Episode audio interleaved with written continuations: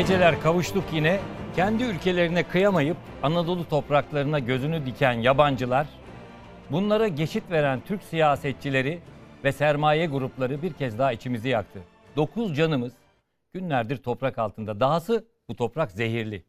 Erzincan İliç'te son zamanların en büyük çevre felaketi yaşanıyor.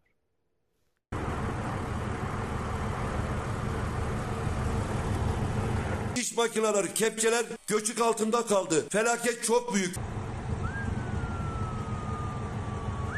Kardeşim benim kardeşim. Oy kardeşim. Çok üzgünüm. Yardımcı olun, kurtarın. 7-8 senedir burada çalışıyor. Buraya geçmek için benim akrabam burada. Ben toprağın altında. Şu kamyonun arkasındaki görüntü. Adamı görüyoruz yani alt, alt görüyoruz yani. Şu tam altında kalıp kalmadığını görmüyoruz ama nerede şey yaptığını görüyoruz.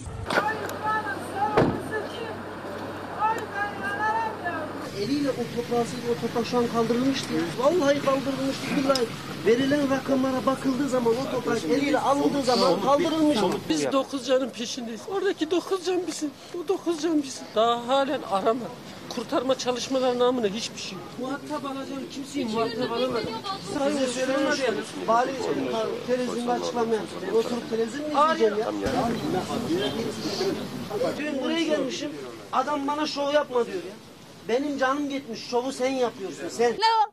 Ben şu para kazandım. Bu para seni kurtarır mı? Ha, öldü yeter hadi. Para kurtarsın onları. Çoluk çocuk aldı yetim. Ne olacak? 301 tane madenci öldü. Ne oldu? Adam tekme yedi. Böyle benim gibi konuşuyor diye tekme yedi. Belki ben de şimdi tekme yiyeceğim. Ama yani bu şirket hesabını verecek. Durmayacağız yani. Verecek o hesabını. Evet, Türkiye'de göz göre göre gelen e, ilk felaket değil. Pek çok felaket yaşadık. Üstelik o felaketlerde gerçek sorumlulara ulaşılıp hesap sorulduğunda görmedik. Bu madende onca uyarıya rağmen e, bu maden faciası da göz göre göre geldi. E, üstelik e, hem de bu alan genişleyerek.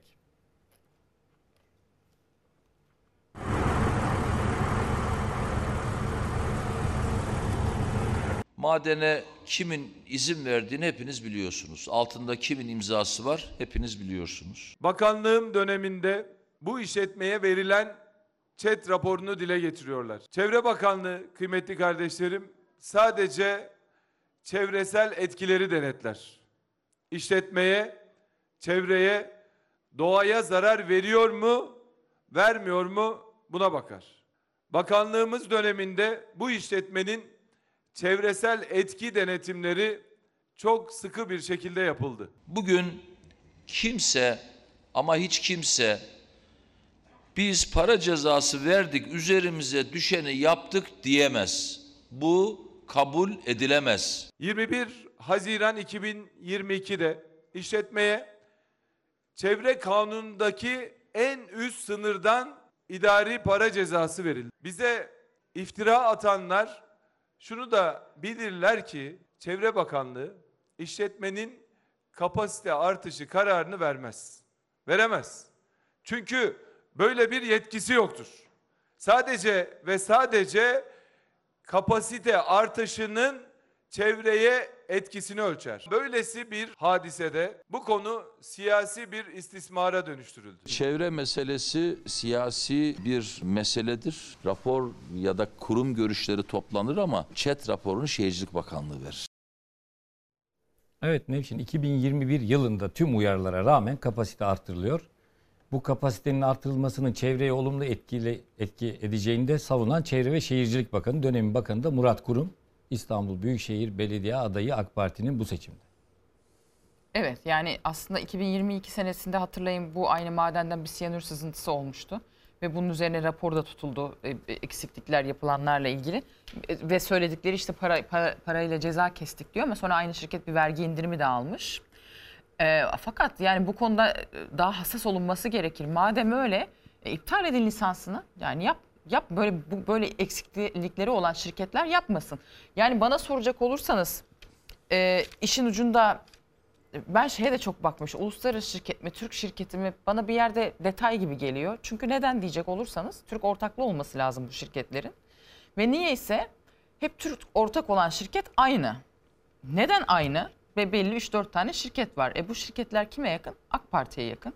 Yani bu şu. e, Türk şirketi olunca da kim hükümete yakınsa onlar kolaylıkla izinleri alabiliyor. Onlar kolaylıkla yönetmeliklerin etrafından dolaşabiliyor. Zaten o yüzden bu yabancı şirketlere ortak oluyorlar. Önünü açıyorlar yabancı şirketlerin burada. Anlatabiliyor muyum? Böyle Aynen bir sistem öyle. kurulmuş durumda. Ya da mesela çok uluslu şirketlerde şöyle bir pozisyon var Türkiye'de. Hükümet ilişkilerini yürütme diye bir müdür alınıyor biliyorsunuz. Böyle bir açın LinkedIn'e girin. Böyle bir pozisyon Hatta var. o müdürler Türk eski bürokratlardan Bunlar seçiliyor. oluyor. Bakanlardan, Bu- e tamam, Bu ne büyükelçilerden. demek işte? Hem işte partiye yakın birini istihdam ettirmiş oluyorlar hem de iş çözdürüyorlar böyle. E ne yönetmelik var ortada, ne kanun var, ne bir şey var. Tamam anlıyorum evet altın bir şekilde çıkarılacak. Tamam ama bunun son derece hassasiyetle yürütülmesi lazım. Yani altın çıkartacağız diye Allah ne verdiyse ne orman kalacak ne köyler kalacak. Bu iş böyle olmaz ki. Dünyanın her yerinde yapılıyor bu altın madenciliği. Nasıl yapılıyorsa gelişmiş ülkelerde. Türkiye'de madem kendisini gelişmiş ülke kategorisine koymuyor mu? Öyle demiyor mu Cumhurbaşkanı? Biz şöyle büyük ülkeyiz, şöyle dünya lideri. O zaman dünya lideri gibi yapın. Bu dünya lideri böyle olunur yani. Büyüklük böyle olur. Bir yönetmeliğin olacak senin, kanunun olacak ve buna uyacaksın. E bu şirket 2022'de böyle bir ciddi bir siyanür sızıntısı tespit edilmiş. Biz parayla ceza kestik diyorsun. İptal et lisansını. Yani bu konuda daha şey olun ya. E, strict olun yani. Ama mesele çünkü bir ahbap çavuş ilişki- ilişkisi var işin içinde. Buradaki bu uluslararası şirketlerin önünü açan, onlara ortak olan Türk şirketleri var. Onlar hükümetle ilişkileri yürütüyorlar. Onlar onların önünü açıyor. Onlar onlara para ödüyor falan. Böyle bir sistem kurulmuş durumda. E, bu sisteme dahil oluyorsan da sen ne yasa tanıyorsun, ne yönetmelik tanıyorsun. Ne zaman ki böyle bir felaket olana kadar. Bir de belli ki sistemde sıkıntı var. 2003 yılından beri kaç tane maden kazası yaşadık biz böyle. Habire maden kazası yaşanıyor ya bu normal mi? Hadi olur 10 yılda bir tane de ki burada işte denetim eksik olmuş. E kardeşim her sene biz bir felaket yaşayıp bunu konuşuyorsak demek ki sistem olarak hakikaten ciddi bir sıkıntı var burada yani. Değil mi? Hükümetin kendi kendine sorması lazım. Biz neyi yanlış yapıyoruz da her sene kaza yaşanıyor böyle diye. Evet. Akıl alma, akıl Nevşin şeye düş, çok akıl önemli bir noktaya değindi Çiğdem. Sen bu konularda yazdın, çizdin. Yani ülkeyi siyanüre e, batıran her şirkete ruhsat verip sonra onların her istediğinde de kapasitesini arttırmak bu kadar kolay olmamalı ya. Yani Bu kadar kolay oluyor çünkü aslında sistem biraz ona göre tasarlanmış, ona göre dizayn edilmiş. Yani e, Nevşin çok önemli bir şey söyledi. E, bu çok uluslu şirketler ve onların yerli ayaklarının içinde mutlaka Türkiye'de bürokrasiden, politikadan e, bir zamanlar etkin görevlerde bulunmuş kişiler, üst düzey kişiler istihdam ediliyorlar yüksek maaşlarla. E, onlar kurumsal ilişkiler e, yürütüyorlar ve çoğu kez birçok yere onlardan telefon da gidiyor işlerin kolaylaşması için. Onu da hepimiz Telefon, biliyoruz. çanta. Te- evet telefon, çanta. Ben, ya ben aslında telefon gidiyor, telefon ediliyor anlamında söylemiştim ama senin dediğin de doğru. Yani mecazla gerçek burada iç doğru. içe, iç içe Doğruya giriyor. doğru. Tabii tabii yani pahalı mobil telefonlar gidiyor, tabletler gidiyor, başka bir şeyler gidiyor. Biz bunu biliyoruz. E, dört kere e, çevresel etki değerlendirme raporu. Onu da açalım chat raporu, chat raporu deyip duruyoruz. Bu çevresel etki değerlendirme raporu ve bu raporun olumlu bir şekilde sonuçlanması gerekiyor. Bu işlerin, e, bu şirketlerin istediği gibi e, gitmesi için. Ve ben şunu da söyleyeyim. E, SSR şeyin ortağı, Anagold'un %80 ortağı Kanadalı şirket, %20 ortağı Türk şirket. Onların e, yaptıkları bildirimlere göre günün sonunda şey tabirle, aktüel tabirle 429 milyon dolar Türkiye Cumhuriyeti'ne ödenecek toplam para. 429 milyon dolar. Vergi de 453 milyon dolar. Yani 880 milyon dolarlık bir e, Türkiye Cumhuriyeti açısından yaklaşık 1 milyar dolar bile değil. E, bunun bir geliri var baktığınız yani bunun için yapılıyor bu para. Ama bir yandan baktığınızda bu facianın ardından e, bu şirketin Nasdaq'ta kaybettiği hissenin toplam değeri de 1 milyar dolar. Yani bu şeyleri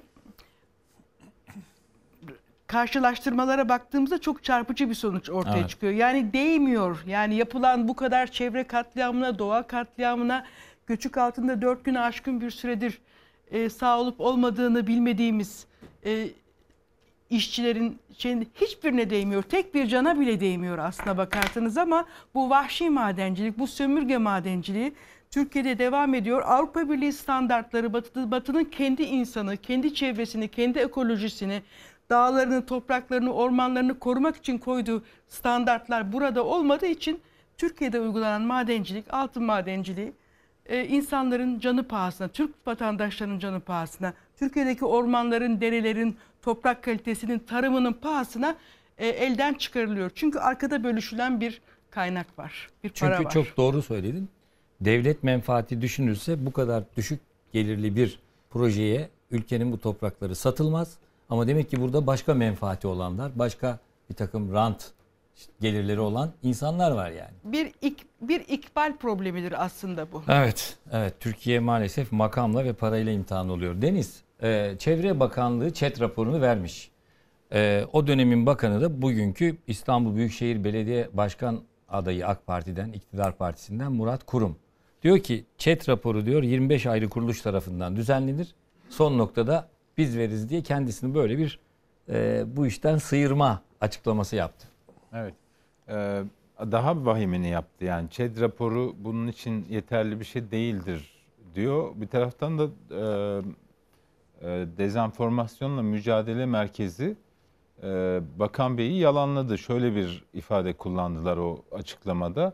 ÇED raporu e, şey mevzuat gereği alınması zorunludur diyor. Yani Evet. ÇED raporu vermese kendisi o kapasite genişletme işi olmayacak. ÇED raporu vermese proje başlamayacak zaten. Tabii chat olumlu olması gerekiyor bir de 2000 onun. Evet. 2007 yılında ÇED raporunu imzalamayan mühendis Erzurum'a sürülmüştü bu madende. Bu, bu madenin hikayesini bilmek lazım. 2002'de başlayan bir süreç. Yani ilk sondajları 2002'de yapıldı buranın. 2002-2004 arasında e, bu işte yasal sorunlar çıktı başlayamadılar ama, ama AK Parti iktidara gelir gelmez hemen e, işte bu Amerikalı Kanadalı şirket bulundu. Ona Türkiye'de bir ortak bulundu. Ortak hisse karşılığı Türkiye'deki işleri takip etmek üzere bir e, hisse aldı. Yani e, ne kadar finansman yatırdı. Keşke e, mesela o Çalık Holding çıksa e, bu şirkete yüzde yirmi ortak olabilmek için ne kadar para yatırdığını bize gösterse ve kanıtlasa, makbuzlarını gösterse. Yani biz bu şirkete şu kadar sermaye koyarak ortak olduk diye keşke açıklasa mesela. Evet. Ben ben e, orada sırf bu iş takipleri vesaire falan gerekçesiyle ortak olduğu kanaatindeyim. E, çıksalar keşke beni yal- yalancı çıkarsalar. O belgeleri gösterseler. Gösterseler biz de Yani görsek. Biz, biz bu o, projenin %20 hissesini şu kadar para karşılığı aldık diye keşke belgelerini sunsalar. Sonra e, zaten e, geçen e, şeylerini okudum. Bunların bir e, danışmanlık şirketi incelemiş. İşte baştan sona bütün projeyi incelemiş. Ya gerçekten yürü ya kulum denmiş projeye. Ne isteseler vermişler. Hatta e, İlhan Cihaner o zaman Erzincan Başsavcısıyken bunlara sorun çıkarmış ve e, yani hiç kel alakaydı değil mi? O zaman hepimiz şu soruyu sorduk ya balyoz tamam işte Ergenekon tamam vesaire Erzincan Başsavcısı ne alaka? Evet. Sonra demişlerdi ki işte tarikatlere karşı operasyon yapıyor da şu da bu da falan. Sonra anlamıştık ki e, İlhan Cihaner bu madenin e, işlerine engel oluyormuş. Sonra bu maden, Bergama'daki maden hepsinin şeyi aynı çizgi. Hatta o dönemin Erzincan Başsavcısı da iddialar o. Yani bu maden İliç baş- İliç- İliç İliç Başsavcısı savcısı. özür dilerim. İliç Başsavcısı da bu işin içinde olduğu iddiaları var. İşte İliç savcısı zaten Cihaner İliç savcısının bir takım imtiyazlar e, tanıdığını şey yaparak soruşturma başlatıyor. Yani netice itibariyle Çok e, virgül araya girip bu ilk savcısı ne oldu? Hatırlar mısınız 15 Temmuz sonrası bu işte Gülencilerden bir tanesi kaçarken ayağını kırmıştı, bileğini kırmıştı, Evet. düşmüştü. İşte o savcı o savcı, İliç Hmm. savcısı o. Ama sonra ben de baktım merak ettim ne olmuş diye. E, tahliye edilmiş yalnız serbest bırakılmış sonra. Şey, Çok ama işte Böyle de bir şey tesadüfler atfedilen silsilesi. suçu yat, yattıktan Evet. sonra tahliye edilmiş. Yani demem o ki ilişkiler böyle gırla gidiyor. 15 Tem 17-25 Aralık bunların ilişkilerini bozunca orası işte Çalık Holding'de hükümet safına geçti. E, Öteki saftan bu, bu taraftaki safa geçti. e, a- hatta hatırlayın e, CEO'su Berat Albayrak'tı şirketin. Tabii tabii. Enerji Bakanlığı yaptı sonra. Sonra Enerji Bakanlığı yaptı doğru. Ve Ekonomi e, Bakanlığı da yaptı. Ekonomi Bakanlığı yaptı ama Enerji Bakanlığı Enerji özellikle Bakanlığı- vurgu Evet, yaptım evet. bu Yani, maden evet. meselesinden maden, dolayı. Maden işleri Evet, evet. Enerji Bakanlığı altında bir genel müdürlük. Evet, evet. Ruhsatları vesaire Biliyorum. falan onlar veriyorlar. Ee, bu genişletme, kapasite artırma ruhsatlarını da onlar veriyorlar. Üç tane bakanlık var burada. Birincisi Enerji Bakanlığı maden kısmını kontrol ediyor. Çevre Bakanlığı çevreye etkisini de, e, değerlendiriyor. Bir de Çalışma Bakanlığı oradaki iş güvenliği ve iş sağlığı meselesini değerlendiriyor. Ee, baktığınız zaman totalde üçü de çuvallamış. Öyle. Yani şey ben e, açsın herkes bir Google haritası açsın. İliç diye yazsın. İliç'i merkeze alsın. İliç'in bir tarafta İliç ilçesi var. Bir tarafta Sabırlı ve Yakuplu köyleri var. Bir tarafta Çöpler köyü var. Bir tarafta da Bağıtaş Hidroelektrik Santrali var. Aradaki bütün araziye yayıldılar bunlar. Hepsini doldurdular, kazdılar vesaire falan. Artık bu atıkları koyacak yer sistem basit. Bugüne kadar anlamayan, görmeyen, okumayan varsa e, anlatalım. Altın madeni cevheri bulunuyor. O cevherden önce üstündeki toprak kaldırılıyor, bir kenarlara taşınıyor. Sonra al içinde altın olan toprak kazılıyor, getiriliyor. Bir alanda toplanıyor. Orada siyanürlü suyla işlemden geçiriliyor. Siyanür o toprağın içindeki altını çözüyor, alıyor havuza götürüyor. O e, siyanürle işlenmiş atık toprakta belli bir eğimle bir tarafa kaydırılıp orada istifleniyor. Şimdi burada 130 kat vesaire falan olması gerekirken 230 kata kadar çıkmış bu yükseklik. Ya bunlar 17 sene boyunca orada kazdıkları bütün o yık, si- siyanürle yıkadıkları bütün toprağı bir yere yığmışlar böyle. Hesapsızca, kitapsızca yı- yığmışlar. Bugün öğrendim bir e, GR, GRI diye bir e, yabancı danışmanlık şirketi güya bunlara demiş ki bu yüksekliğe kadar yığabilirsiniz bir şey olmaz. Kendi mühendisleri e, hesaplayamamış herhalde. Ve sonra e, onu da bugün öğrendim. E, bir radarlar bir çatlak tespit etmiş. Ve o çatlağın e, bu, bu kayma işi olacağı için e, anında oradaki bütün herkes boşaltılmış. Yani kazanın olduğu gün o bölgede insanlar olsaydı, çalışanlar olsaydı bugün o 9 rakamı 90 da olabilirdi, Çok daha 150 de artardı. olabilirdi, daha fazla da olabilirdi. Boşaltılmış.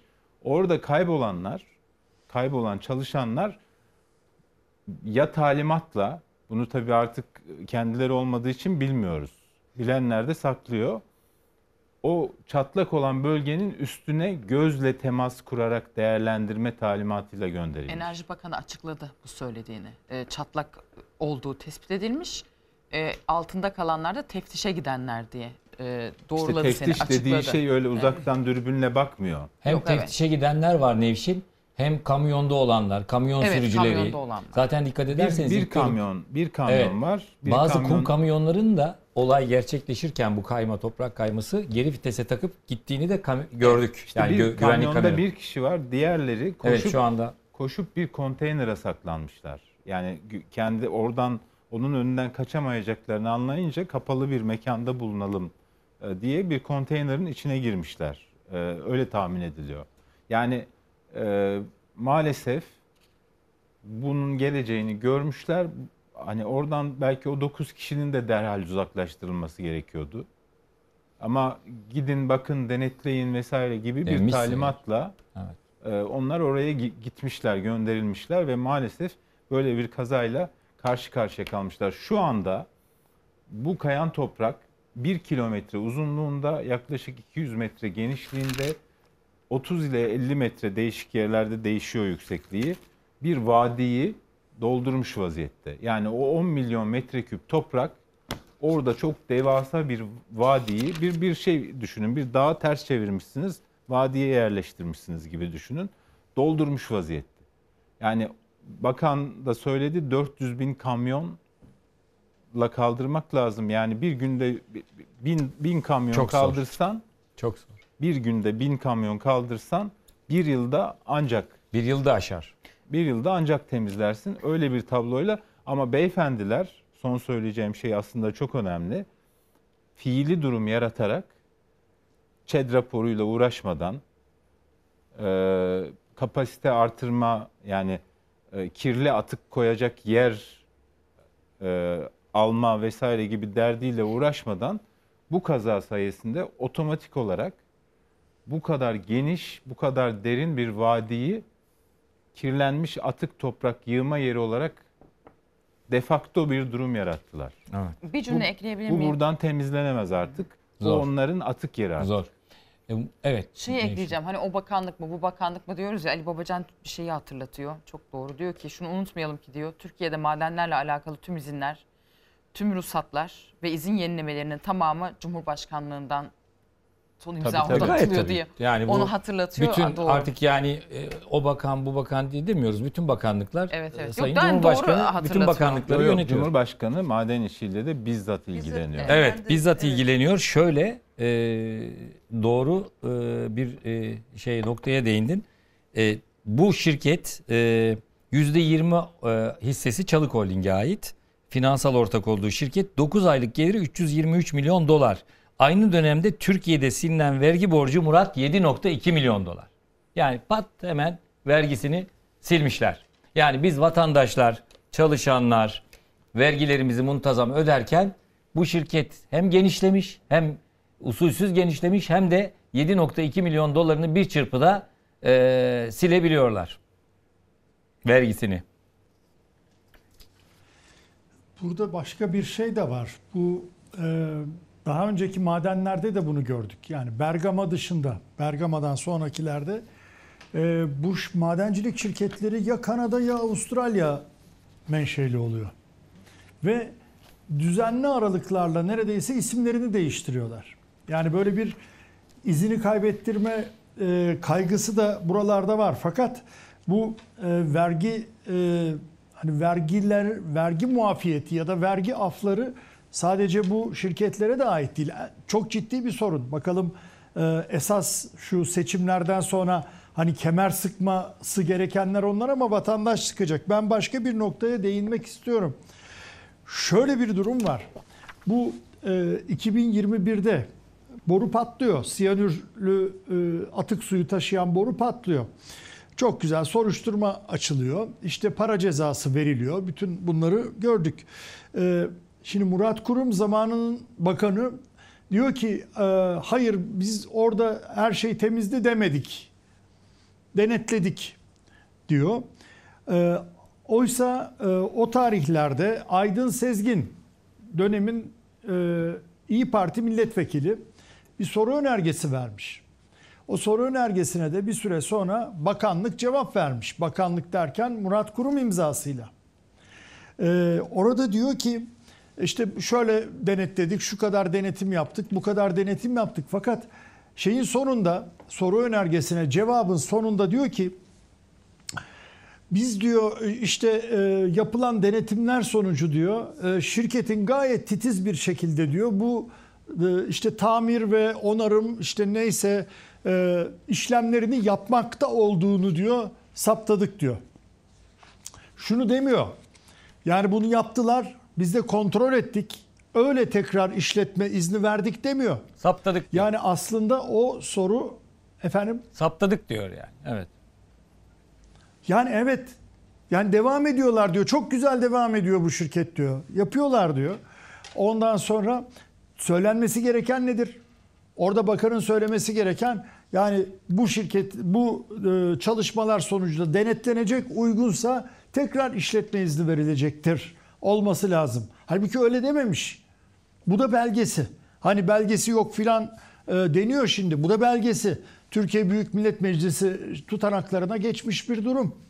Yani milletvekili sormuş Aydın Sezgin, bakan Murat Kurum cevaplamış. Demiş ki biz daha işlem bitmeden izni verdik, çalışmaya devam etsin dedik anlamına geliyor. Şimdi burada bir sorumluluk yoksa hiçbir şey yoktur. Yani hukuk devletinden filan söz edemeyiz. Normalde e, yani işleyen bir demokraside e, çok ciddi bir şekilde yargılanması gerekir bakanın. Gayet tabii. Yani Murat Kurum'un o dönem yaptığı işlemden dolayı. Ama şimdi çok rahat bir şekilde efendim baktık her şey yolunda, her şeyin yolunda olmadığı filan e, gayet belli. Bu sömürge madenciliği kavramı gazeteci arkadaşımız İbrahim Gündüz'ün e, kullandığı bir şeydir. Kendisi yıllardır bu konularda çalışır. Yani yıllardır bu çevre e, felaketleri konusunda çalışır. Eline sağlık çalışmaya da devam etsin. Ama burada siyasetin kaçamayacağı, kaçamayacağı bir sorumluluk var. Bunu e, nasıl hesabı sorulacak, nasıl yapılacak bunu bilmiyoruz ama normalde bu işin soruşturulması ve yargıya mutlaka e, aksetmesi lazım. Evet. Yani buradan e, bir şey yok, kaçış Evet. yok yani. Şunu da belirtelim. Bunu kamuoyunun bilgilenmesi için bu olayı taşıyan Sedat Cezayirlioğlu da biliyorsunuz önce e, gözaltına alındı sonra da e, serbest bırakıldı. Bir de ben bir şey küçük bir şey ekleyebilir miyim bitmeden? Yani onu demin söyleyecektim unuttum. Bu tür e, çok uluslu büyük maden şirketleri Türkiye'ye geldikleri ve yatırım yapacakları zaman öncesinde ve hali hazırda e, bayağı iyi hazırlanıyorlar ve belli harcamalar yapıyorlar. Nedir bu harcamalar? E, bölgeye okul açıyorlar. Bölgeye kreş açıyorlar. Bölgedeki bazı e, sivil toplum kuruluşlarına e, bağışlarda bulunuyorlar. E, işte e, yurt dışı geziler düzenliyorlar. Bazen bunların içinde e, medya mensupları da oluyor.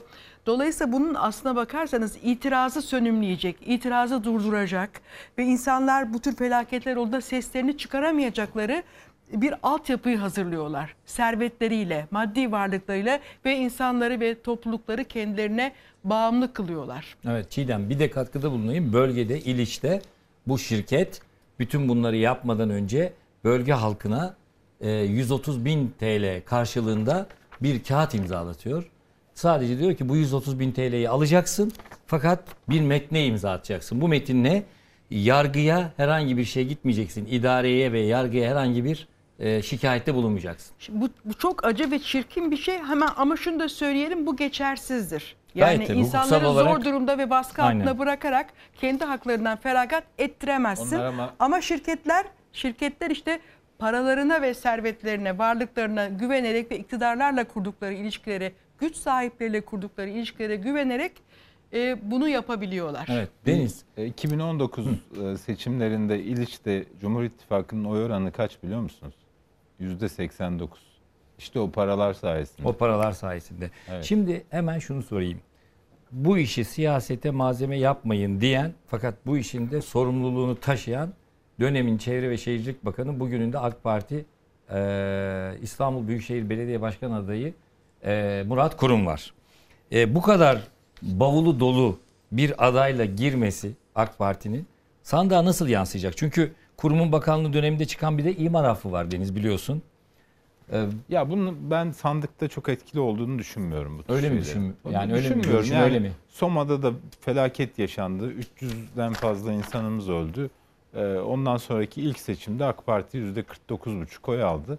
Dolayısıyla ben yani işte deprem bölgesinde de yine e, yani Kemal Kılıçdaroğlu'nun e, Cumhurbaşkanlığı seçiminde ikinci sırada olduğu e, bir tek normalde Hatay'ın olması gerekiyordu birinci sırada. Hatay dahi e, Kemal Kılıçdaroğlu ikinci oldu. Yani 11 şehirde e, Tayyip Erdoğan birinci oldu. Kemal Kılıçdaroğlu ikinci oldu. Deprem felaketinin yaşandığı şehirlerde. Yani adamlar çadır sattılar. Adamlar kan sattılar. Adamlar 3 gün boyunca insanları enkazın altında yalnız bıraktılar.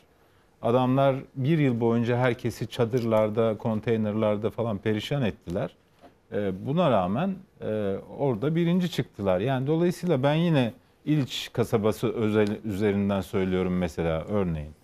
Ee, Orada yine e, hani 89 çıkmayacaktır da 80 çıkacaktır. Evet. Bunlar çok etkilemiyor ama Murat Kurum'un bence Ben, sorunu baş e, Murat Kurum'un sorunu başka bence. Murat Kurum e, siyasetçi kumaşı olan bir isim değil. Yani sokakta görüyorsunuz, konuşmalarını görüyorsunuz. Murat Kurum konut üretiminden anlayan, kupon araziden anlayan e, e, bir mühendis yani, bir inşaatçı, bir Yani bir, şeyi yok. Siyasi şimdi Ekrem İmamoğlu da inşaatçı olabilir ama Ekrem İmam, İmamoğlu bir siyasetçi.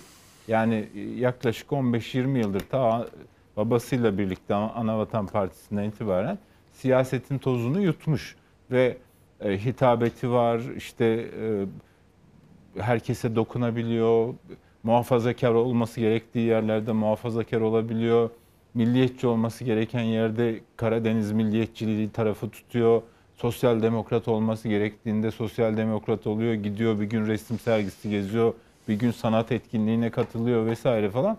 Murat Kurum böyle renkli bir kişilik değil. Murat Kurum çok siyah beyaz. Dolayısıyla bence kaybedecek ben ona inanıyorum. Murat Evet. Kurum'un e, Ekrem İmamoğlu karşısında başarısız olacağını düşünüyorum. E, ancak nedeni e, bu şey bavulu değil. E, Ekrem İmamoğlu kazanacağı için Murat Kurum başarısız olacak. Bu bizim halkımız maalesef benim bu ülkeden çok üzüldüğüm şey. Bizim halkımız bu şeylere tepki gösterip e, oy tercihlerini o tepkilerine göre Ama şekillendirmiyor. Deniz onun çok yapısal sebepleri yok mu ya? Yani bu dediğin şey tamam doğru. Yani bu tür felaketlerin özellikle şirketlerden kaynaklanan felaketlerin denetimsizlikten kaynaklanan iktidarın ihmalinden, tedbir eksikliğinden kaynaklanan ve şirketlerin yol açtığı felaketlerin sandığa ve oranın şeyine yansımamasının bence daha yapısal sebepleri var. Yani iktidar kendi medyasını inşa etti 2008-2009'dan itibaren.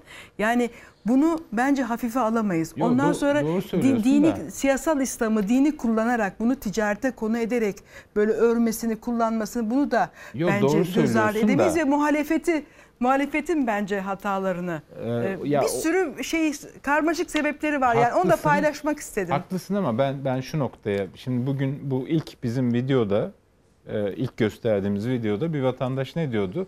Soma'da diyor yerde tekmelendi. Şimdi ben konuşursam beni de gelip tekmeleyebilir diyor. O tekmele tekmelenenler de oy verdi. Yani Evet, benim evet. anlatmak istediğim şey e, biraz o. Yani şöyle düşünün. Göbels demiş ya 40 defa bir yalanı söylediğin zaman insanlar doğru zannederler vesaire ama o yalanla ilgili gerçek o insanlar tarafından yaşanıyor. Yani gidi, bu sabah biz işte İlker'le Çalar Saat'te konuştuk. Ankara'da bir et kuyruğu var. Neredeyse 500 metre. Bir kilometreyi bulacak Görüyoruz yani. onu, evet. Tamam mı? Ama git tek tek röportaj yap orada 500 kişiyle işte 1000 kişiyle tek taş e, röportaj yap. Oyunu kime veriyorsun? Tayyip Erdoğan'a. Yani bu, bu benim anlatmaya çalıştığım bu şey. Tabii ki muhalefetin başarısızlığı, e, kötünün iyisi e, e, yani Tayyip Erdoğan için kötünün iyisi tanımı en azından geçerli bir oy verme nedeni oluyor. Yani Evet. diğer tarafta daha iyi bir şey olsa ona veririz demeye getiriyorlar. Ee, onu anlatmaya çalıştım. Yani Evet, vatandaşlarımız ya bunlar verilmemesi gereken yere çevre etki değerlendirme raporunu olumlu verdiler. Bunları cezalandıralım, oy vermeyelim falan demiyorlar. 9 vatandaşın öldüğü bir yerde de e, ya 130 bin lira aldık bunlar olmazsa bütün gençlerimiz işsiz kalacak. Bu maden giderse İliç batar falan gibi düşünceyle e, mevcut iktidar partisine İliç yine destek verecektir. Yine %80 oy verecektir. Bir de olur yani. olmadık her şeye şehit deme modası başladı işte. Bir 10 yıldır da böyle bir şey söylüyorlar. Neyse ki Öyle şimdi dikkatle var. izliyorum. Buna da şehit diyorlar mı diyor. Herhalde bu kadar da olmaz diye kullanmıyorlar. Yani onu da e, oradaki insanların, yoksul insanların, oralarda çalışmak zorunda olan insanların yakınlarını ve akrabalarını yatıştırma aracı olarak kullanıyorlar. Ne şehidi Allah Şehit aşkına iyi yani. bir şey uğruna olunur. Para için Yani değil, altın bunu için bu- değil. bunu söylemeye çalışıyorum. Öyle. Bunu mesela inşaat kazalarında yaptılar. O İstanbul'da burada yüksekten inşaat sırasında düşen e, tamamen yine tedbirsizlik ve denetimsizlik sonucu şirketlerin gittiler onların ailelerini şehit diye e, teskin etmeye çalıştılar. Diğer maden kazalarında öyle yaptılar. Yani oralarda başlıyor riyakarlık. Doğru. Murat, e, AK Parti'nin 2019 e, adayı Binali Yıldırım'ın geçmişteki uyarılara yönelik bir çıkışı vardı. Onu da bir hatırlayalım. Sonra seninle devam edeceğiz. Madenin ciddi anlamda İliç'e katkısı var, desteği var. İliç eski İliç değil. Erzincan'dan da daha ileri gitti. Her türlü tedbir alınıyor, denetlemeler yapılıyor. Vatandaşlarımız, orada yaşayan hemşehrilerimizin ciddi anlamda hayat standartı yükseldi.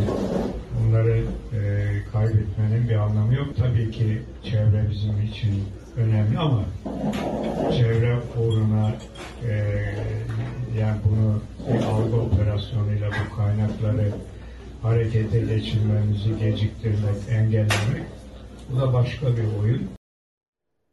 Evet. Şimdi o aday Binali Yıldırım'dı. Bu aday Murat Kurum. Hatta hatırlarsın Murat. Cumhurbaşkanı Erdoğan Binali Yıldırım'ın rakibi Sisi'dir demişti Sayın İmamoğlu için. Şimdi Sisi'ye kardeşim diyor. Bunu da dikkate alarak görüşlerini alalım. Şimdi operasyondan bahsediyor. Binali Yıldırım bu şeyde bir operasyon yapıyorlar. Algı operasyonu yapıyorlar diyor. Ben size operasyonun ne olduğunu söyleyeyim. Daha doğrusu Cumhuriyet Halk Partisi milletvekili Turan Taşkın Özer söylüyor.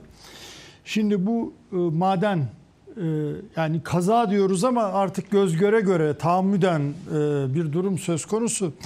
Buna e, olumlu rapor, ÇED olumlu raporunu veren şirketin o zaman yönetim kurulunda olan Ahmet Oğuz Öztürk.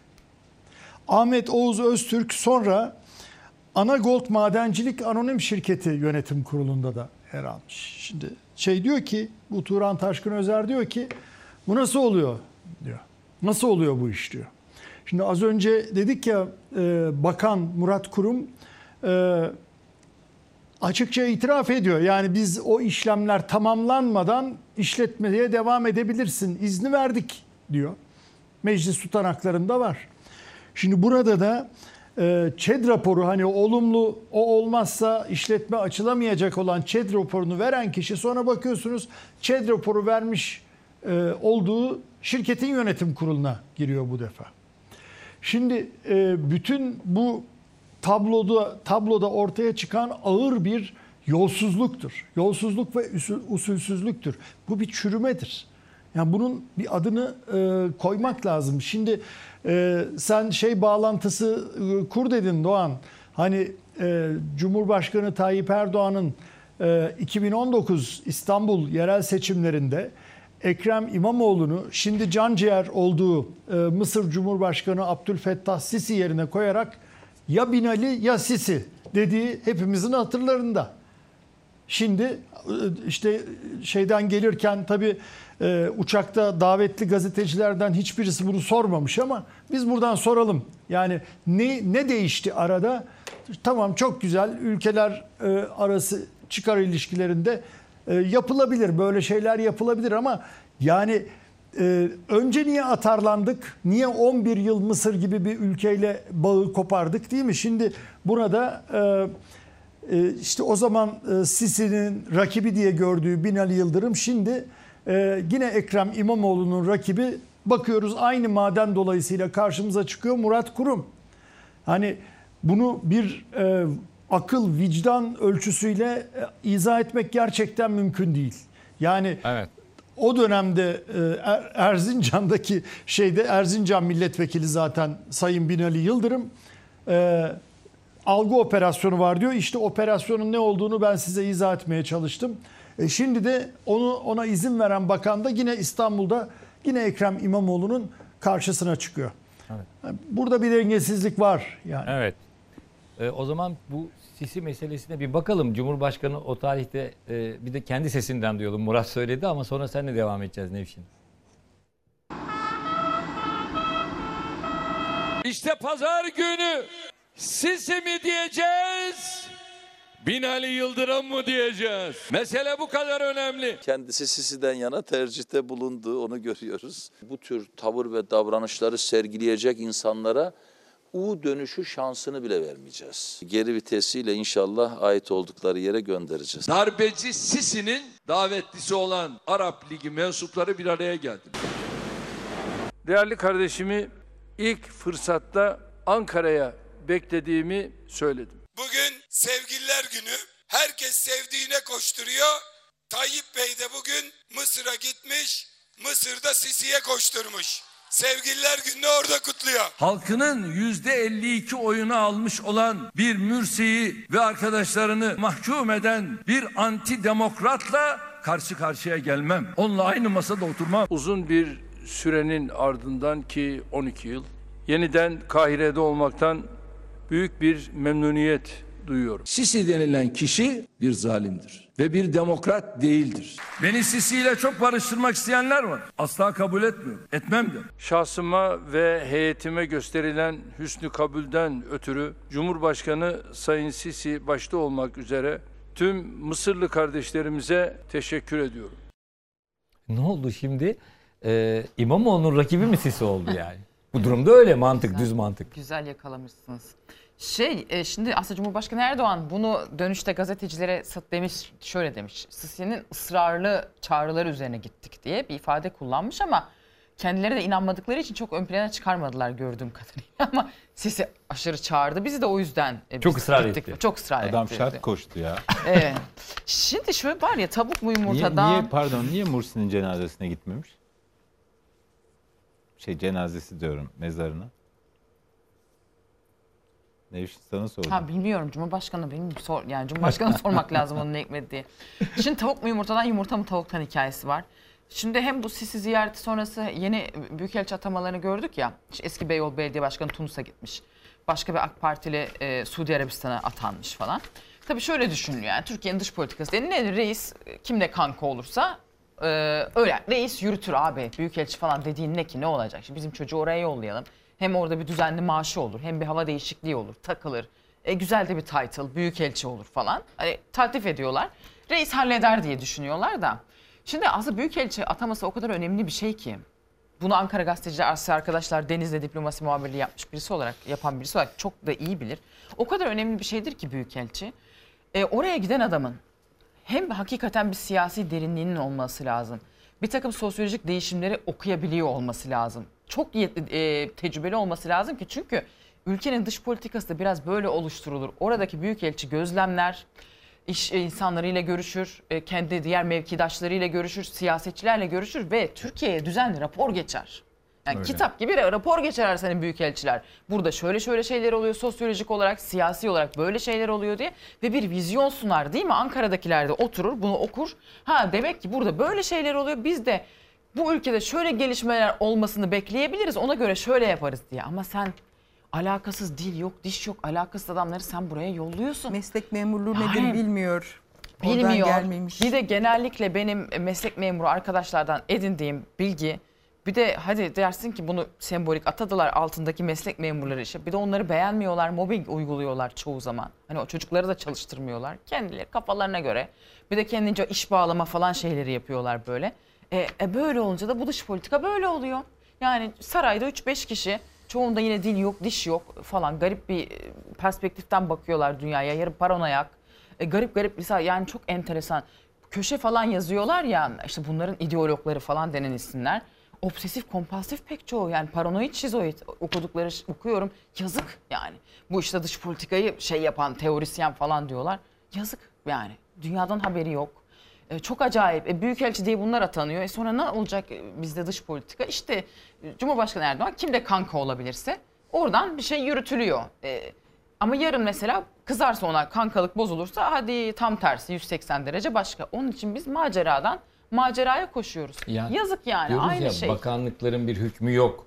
Bürokrasinin Yok, bir hükmü yok, yok. sıfır. E İşte büyükelçiliklerin de bir hükmü yok ki. Zaten aynı zamanda e, Cumhurbaşkanı bir büyükelçi de.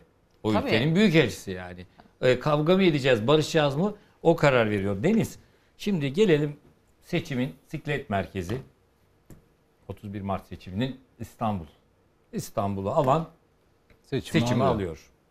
Dolayısıyla şimdi bir anda bunlar olup bitiyor.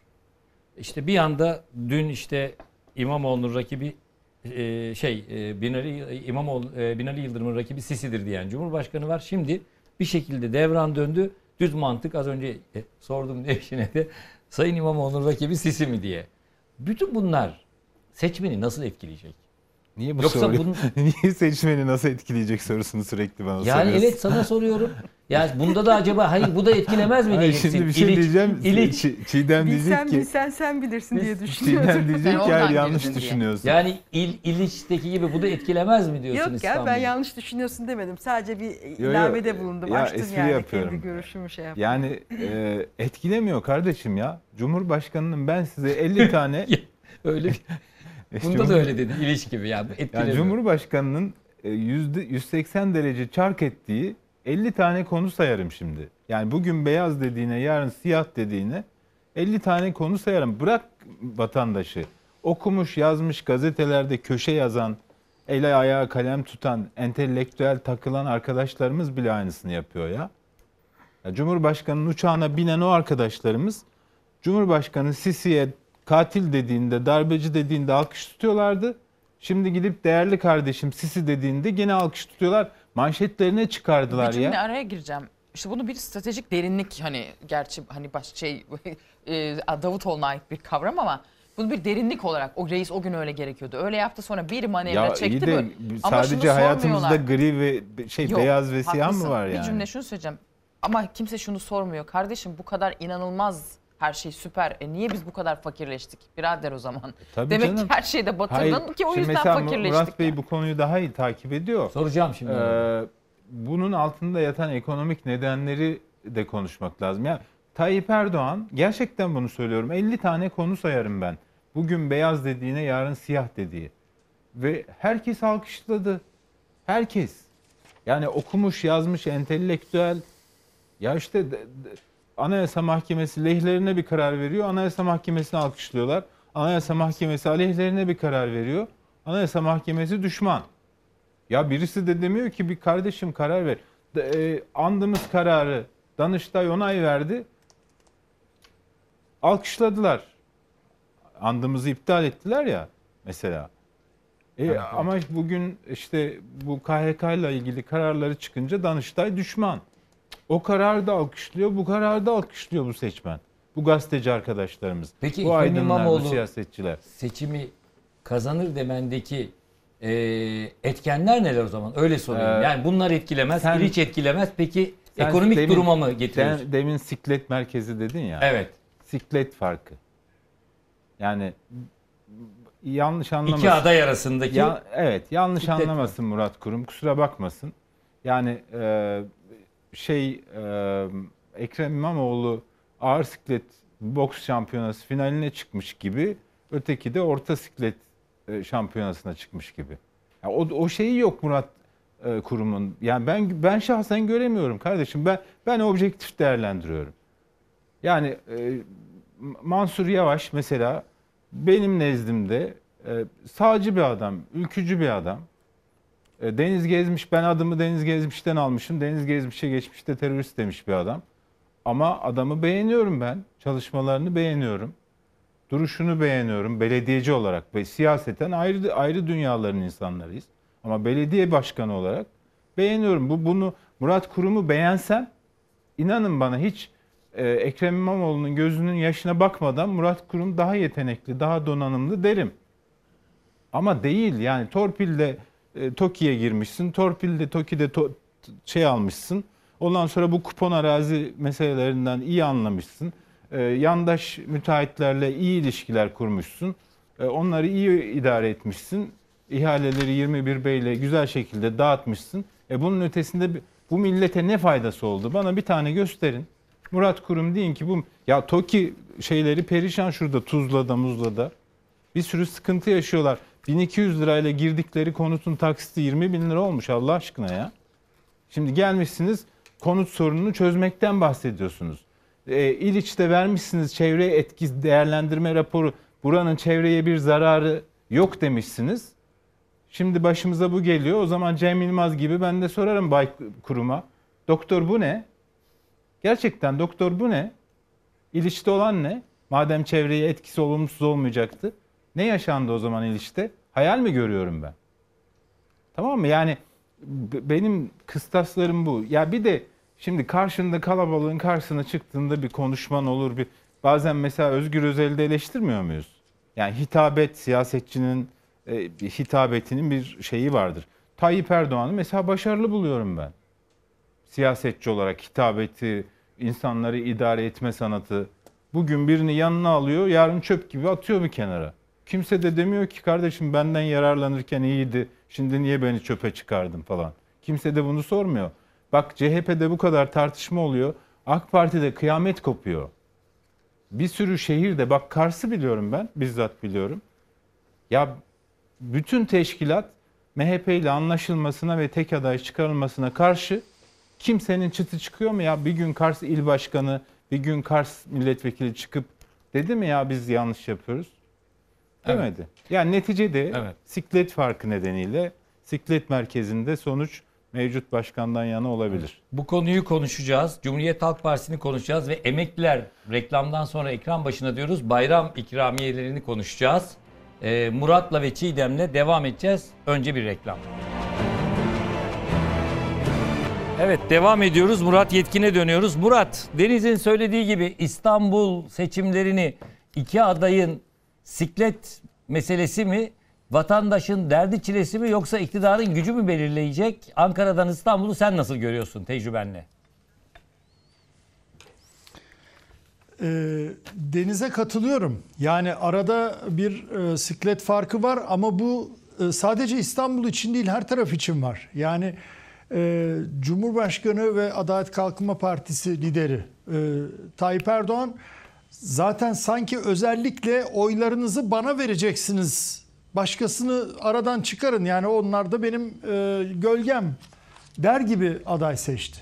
Yani yani öteden beri bazı e, şeyler büyük şehirlerin falan örneğin Gaziantep falan o hep aynı isimler Fatma Şahin örneğin devam ediyor ama yeni at- yeni atanan atanan dedim. Yeni belirlenen isimler için e, bu tespiti yapmak mümkün. Ankara'daki afişlerde artık e, Turgut Altınok'un şeyi yok e, neredeyse resmi yok. Yani e, tamamen Tayyip Erdoğan'ın kendi resimleri var. Yani bana oy vereceksiniz demek istiyor. Ama buradaki zorluklar e, aslında hiç e, görülmüyor. Birazdan herhalde bu emekli şeylerine falan da gireceğiz. Ama e, yani ekonomik kriz pek çok alanı belirler hale geldi. Yani şeye reklama gitmeden önce bu e, işte e, Mısır, Sisi filan o alanlara girdik. Bakın şunu e, değerlendirmek lazım arkadaşlar. Neden bu dış politikada birdenbire atarlama çizgisinden uzlaşma çizgisine geçtik? Yani Erdoğan buna niye ihtiyaç duydu?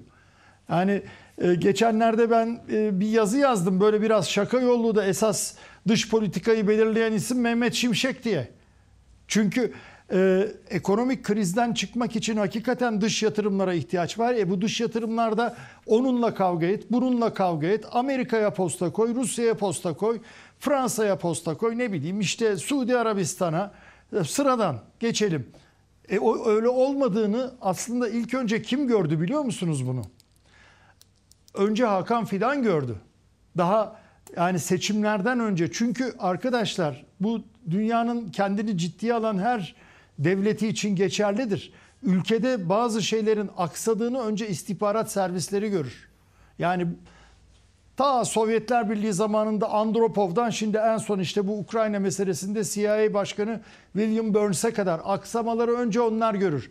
Bakın bütün bu işte Mısır'la düzelmeyi şimdi İsrail başka nedenden bozuldu tekrar Hamas Gazze krizi oradaki vahşet ayrı Ee, ama e, bütün bu süreçleri Birleşik Arap Emirlikleri ile işte Doğan az önce sen söyledin 15 Temmuz'un finansörü diyorduk biz Muhammed Bin Zeyid'e değil mi? Evet. Yani şimdi ne oldu? Şimdi komşu kapısı. İşte Çiğdem çok güzel yazıp duruyor. Yani Osmanlı döneminin kapitülasyonlarını andıran enerji imtiyazları veriliyor. Ve Birleşik Arap Emirlikleri diyor ki başka kimse giremez bu alana diyor. Sadece ben gireceğim diyor. Yani e, bütün bunların e, bir anlamı var. Yani bunlar bir anda Erdoğan kalktı ya hadi artık çok kavga ettik şimdi artık barışalım falan böyle bir durum yok. Ekonomik krizin zorlamasıyla atılan adımlar var. Ha burada bir başka şey çizgisine geliyoruz işte bu Birleşik Arap Emirlikleri örneğinde e, olduğu gibi. Uzlaşmacılıkla teslimiyetçilik ayrı şeydir. Uzlaşmacı siyaset her zaman işte savaş e, yanlısı olmaz, ne bileyim kışkırtıcı olmaz vesaire. E, uzlaşmacı siyaset faydalı olur. İşte örnek Yunanistan'a ne dedik? Miçotakis'e e, şey yaparız dedik değil mi? Bir gece ansızın gelebiliriz dedik. Bir daha sildim defterden görüşmeyiz dedi Cumhurbaşkanı. E ondan sonra işte gittik e, tamam biz dostuz dedik. Biden telefon açtı. Sen İsveç'i geçir ben de F-16'ları geçireyim dedi. Geçirdi. Yani uzlaşmacılıkla teslimiyetçilik arasındaki çizgiyi işte Birleşik Arap Emirlikleri'nde bozuyoruz. Bunu neden bunları söyledim?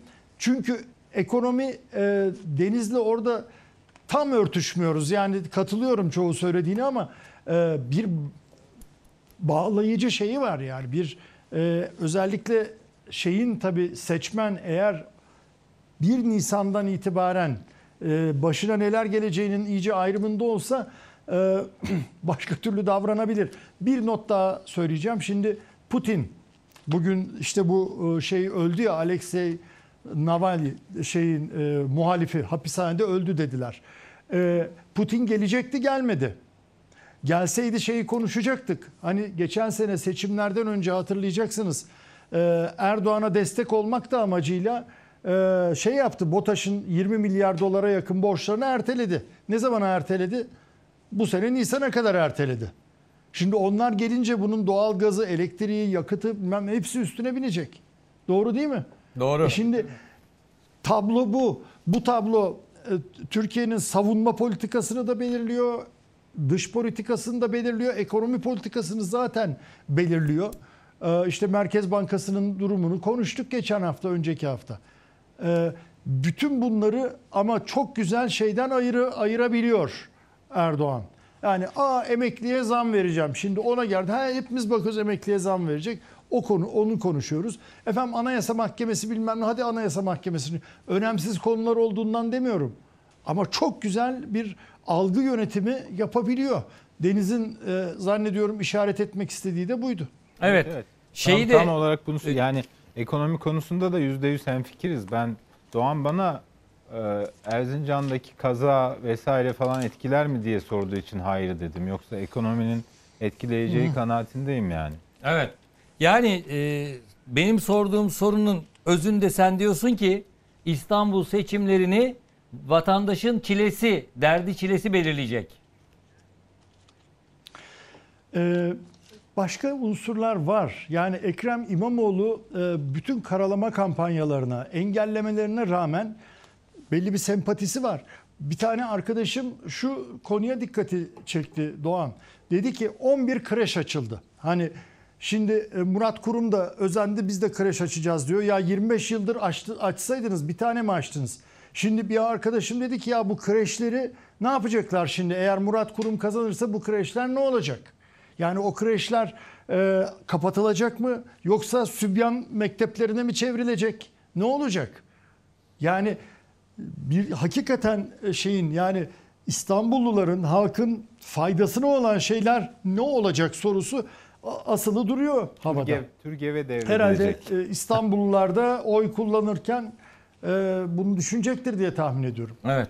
Düşünecekler mi acaba? Yok Murat'ın dediği çok doğru bir nokta var. Onlar ne olacak? Belki de tarikatlara devredilecek. E, tabii yani şu anda ÇEDES projesi var. Onu biliyoruz Milli Eğitim Bakanlığı'nda. Özellikle bundan sonra bence velilerin biraz daha dikkatli olması gereken bu tarikat ve cemaatlere kapıları açan e, proje. E, bu akla uzak bir şey değil. E, ben şunu söylemek istiyorum. 2019 yılında yapıldı değil mi bir önceki yerel seçimler? Şimdi 5 yıllık bir pratik var. İstanbul'da ağırlık merkezi, senin de deyiminle siklet merkezi dediğimiz yerel seçimlerin e, ağırlık merkezi İstanbul'sa ve tabii ki Ankara ise sadece İstanbul değil aslında. E, burada 5 yıl boyunca İstanbul'da yaşayanların ve Ankara'da yaşayanların bir e, tecrübe ettiği bir durum var. Yani kendilerine ne kadar dokunulmuş, hangi hizmetler gitmiş bunlardan edindikleri bir izlenimler toplamı var. Yani Ankara'dan biz Ankara'da yaşıyoruz işte e, Büyükşehir Belediyesi'nin muhtelif kalemlerde destek ödemeleri oldu ihtiyacı olanlara, ihtiyaç sahiplerine sosyal yardımlar oldu, et desteği oldu, doğalgaz faturalarına ödemeleri oldu e, ve bunlar bir süreklilik arz ediyor birkaç senedir. E, şey de öyle işte İstanbul'da da e, hem kreş var hem ulaşım problemlerine ilişkin e, çözümler getirildi. Metrolarla, bazı hatlarla, o hatların işleyiş saatleriyle, biçimleriyle. E, yani işte daha ucuza yemek e, yemelerini vatandaşların sağlayan kent lokantalarıydı değil mi? Kent lokantalarının açılması. Ya bütün bunlar aslında gündelik hayatın zorluklarına vatandaşın satın alma gücü iyice düşen e, dar gelirlerin, yoksulların biraz daha bir miktar direnç kazandıran e, şeyler, e, yollar, hizmet yolları. E, ben bu ben bu toplamın e, bir etkisi olacağını e, düşünüyorum doğrusunu söylemek gerekirse ama tabii şimdi merkezi yönetimde iktidarın elinde olduğu için bütün musluklar ve kaynaklar da e, orada. Yani bir buçuk aylık bir zaman kaldı. Bu altı hafta içinde e, şapkadan yeni tavşanlar çıkarılabilir doğrusu. Az önce sordum ya işte Evet. iktidarın gücü mü kazanacak? Vatandaşın çilesi, derdi tasası mı kazanacak? Yoksa işte Deniz'in de işaret ettiği gibi iki aday arasındaki Evet. siklet meselesi mi? Şimdi Çiğdem senle devam edelim. Madem ki Murat da az önce belirtti emekliler dedik. Benim bir arkadaşım, yakın arkadaşlarımdan biri şöyle bir şey atmış. Ee, madem emeklilere geldi konu. Ankara Çankaya'da anneme kiralık ev vermiyorlar. Emekli öğretmen diye sen kira artışını karşılayamazsın diyorlar. Kaç emlakçıdan geri döndük diyor. Cumhurbaşkanı Erdoğan bugün bayram ikramiyesinin 3 bin lira olduğunu açıkladı. Bir izleyelim Çiğdem'le devam edelim. Önümüzdeki bayramda bu rakamı %50 artışla 3000 liraya yükselteceğiz. En kötü 5 lira, 10 lira. 5'e de razıyız yani. Açıklandı ikramiye 3000 lira. Ayıp etmişler vallahi. E ne yapalım o da kısmet. kendisine 2000 lirayı 5000 bile yapmaya 31 Mart'ta oy verirse bunlar böyle devam eder. Sarı kartı gösterirse patron benim derse artık bıçak kemikte derse görün bakın sizin sesinizi dinliyorlar mı dinlemiyorlar mı? Önümüz Ramazan, arkası bayram. Emeklilerimizin bayram ikramiyelerinde de bütçe imkanlarını tekrar zorlama pahasına bir artış yapmayı planlıyoruz. Başka yerlere bütçe ayrılıyor da emekliye gelince mi bütçe zor geliyor? Hiçbir şekilde gönlümüzü alamaz. Çok zor alması. 10 binde verse benim gönlüm çok kırık. Evet Çiğdem. Ee, Mart'ın sonuna kadar bu bayram ikramiyesi de yine taksitle 5 bin lirayı bulur mu? Bir, bir de şeyi de merak ediyoruz tabii. Bayram 31 Mart seçimlerinden sonra 10 Nisan'da. Evet. Bayram bunların ne zaman ellerine geçecek? Geçse ne olacak? İşte az önce arkadaşımın attığı e, mesaj çok açık. Kiraya kiralık ev vermiyorlar öğretmen emeklisine. Artık Çok- buralara geldik. Kiralar tabii çok e, arttı. Ankara'da da bundan e, şey değil. E, Önce somut durumu söyleyeyim. Şimdi meclise bir e, yargı paketi sunuldu yeni. E, Ceza Muhakemesi Kanunu ile bazı kanunlarda 659 sayılı kanun hükmünde kararnameyle değişiklik yapılmasına dair kanun teklifi. Şimdi e, bunun emeklilere verilecek ikramiye ne ilgisi var derseniz çok ilgisi var. Çünkü e, bu yargı paketini de torbalaştırmış iktidar. Yani bir torba e, kanun teklifine e, dönüştürmüş. Çoğunluğu yine e, ya- yargı paketine ilişkin maddelerden oluşuyor. O ayrıca bence konuşur tartışırız. Önemli maddeler geliyor. Ama bunun 39. maddesi demin bahsettiğimiz Ramazan bayramı ve Kurban bayramında 2000 lira olarak ödenen bayram ikramiyesinin 3000 liraya yükseltilmesi öngörülmektedir diyor. Yani Sosyal Sigortalar ve Genel Sağlık Sigortası Kanunu ek maddesi değişiklik yapıyor. 3000 liraya çıkmasına ilişkin madde ki bunun için bir kanun değişikliği gerekiyor. Bu şey ne zaman e, bu yargı paketi ne zaman meclisten geçerse o da o zaman e, resmiyet kazanacak. Bence bu bayramları çok beklemeden e, bunu biraz e, ama 5 bin lira önce onu söyleyeyim. Ben hemen bir çırpıda 5 bin liraya çıkabileceğini çok düşünmüyorum doğrusu. Böyle bir beklentim yok diyorsun. Bu da siyasetlik açısından da çok abuk subuk bir şey yani. Ben hani millet, milletvekillerini düşünüyorum. Yargı ile ilgili kısımlarına itiraz edeceksin ama emekli ikramiyesinin artmasını bekliyor Bir diye yandan da susacaksın. öyle bir şey var tabii. Yani bir, bir acayip Mu- bir şey. muhalefeti de bir- bir de facto sıkıştırabilecek bir şey aslında bu. Tuzak ya. Tuzak Tabii, işte. yani- basbayağı. Hile, hül- hülle şey yani. Çok düzenbazca bir şey Torbalar yani. böyle geçiyor zaten Torbalar ya. böyle Hep geçiyor. Uzun, oluyor. uzun süredir böyle geçiyor. Ama yani, yani- e, bir mutfakta pişiyor bu Hayır, şeyler. Hayır tek kanun maddelik bir teklifleri. yasa olarak görüş onu yani. Niye bunun torbanın içine İdeal, koyuyorsun ideal ki? durum elbette o da işte bu Ya zaten torba yasa diye şey mi olur ya? Yani yasa yapmak ciddi bir şey ya. Üzerinde konuşulması, bir şey var. tartışılması, torba Allah ne verdiyse. Noel Baba ya yani onlar hep Olacak torbayla şey değil geliyorlar. yani. Gel çok kötü bir Vallahi uygulama. burada burada aslında bir de bir şantaj durumu gibi bir şey var. Yani Evet. şimdi Sıkıştırma e, ve şantaj. öyle ki şimdi torba yasa var bir de şeye e, yargı paketinin içine de koyulacak diye bir şey var değil mi? Öyle bir şey de var. Ko- kondu işte. 8. Zaten- yargı paketinin içine konuluyor. Orada kritik maddeler de Evet, var. Murat konuldu, istersen biraz konuldu, bahset. evet. O kritik Söyle. madde de Evet. çok önemli. Şimdi yargı Evet, paketindeki yani o kritik pakete şimdi- itiraz edersek vay siz emekli düşmanı mısınız diye o taraftan vuracaklar. Aynen. Aynen öyle. Aynen öyle. Onun içinde e, yüksek yargı kurumlarını bypass eden işte bu Anayasa Mahkemesi Danıştay zaten Erdoğan çok tepkili biliyorsunuz onlara. Ondan sonra basına e, yeni baskı e, araçları diyelim işte cezaları artırıcı şeyler falan olabilir diye göreceğiz önümüze gelecek. Bunlara karşı çıkınca vay sen efendim emeklinin ekmeğiyle oynuyorsun. Bu resmen şantaj ya. Öyle. Ya Öyle. bö- Böyle bir şey olur mu? Öyle. Şimdi bu emeklilere bayram ikramiyesinin taksitlendireceğinin ayak sesleri biraz Ankara'dan duyulmaya başladı. Çünkü Ankara'daki seçim kampanyası, seçim kampanyaları ya da seçim gündemi diyelim emekliler üzerinden yürüyor. Bir izleyelim üzerine konuşalım.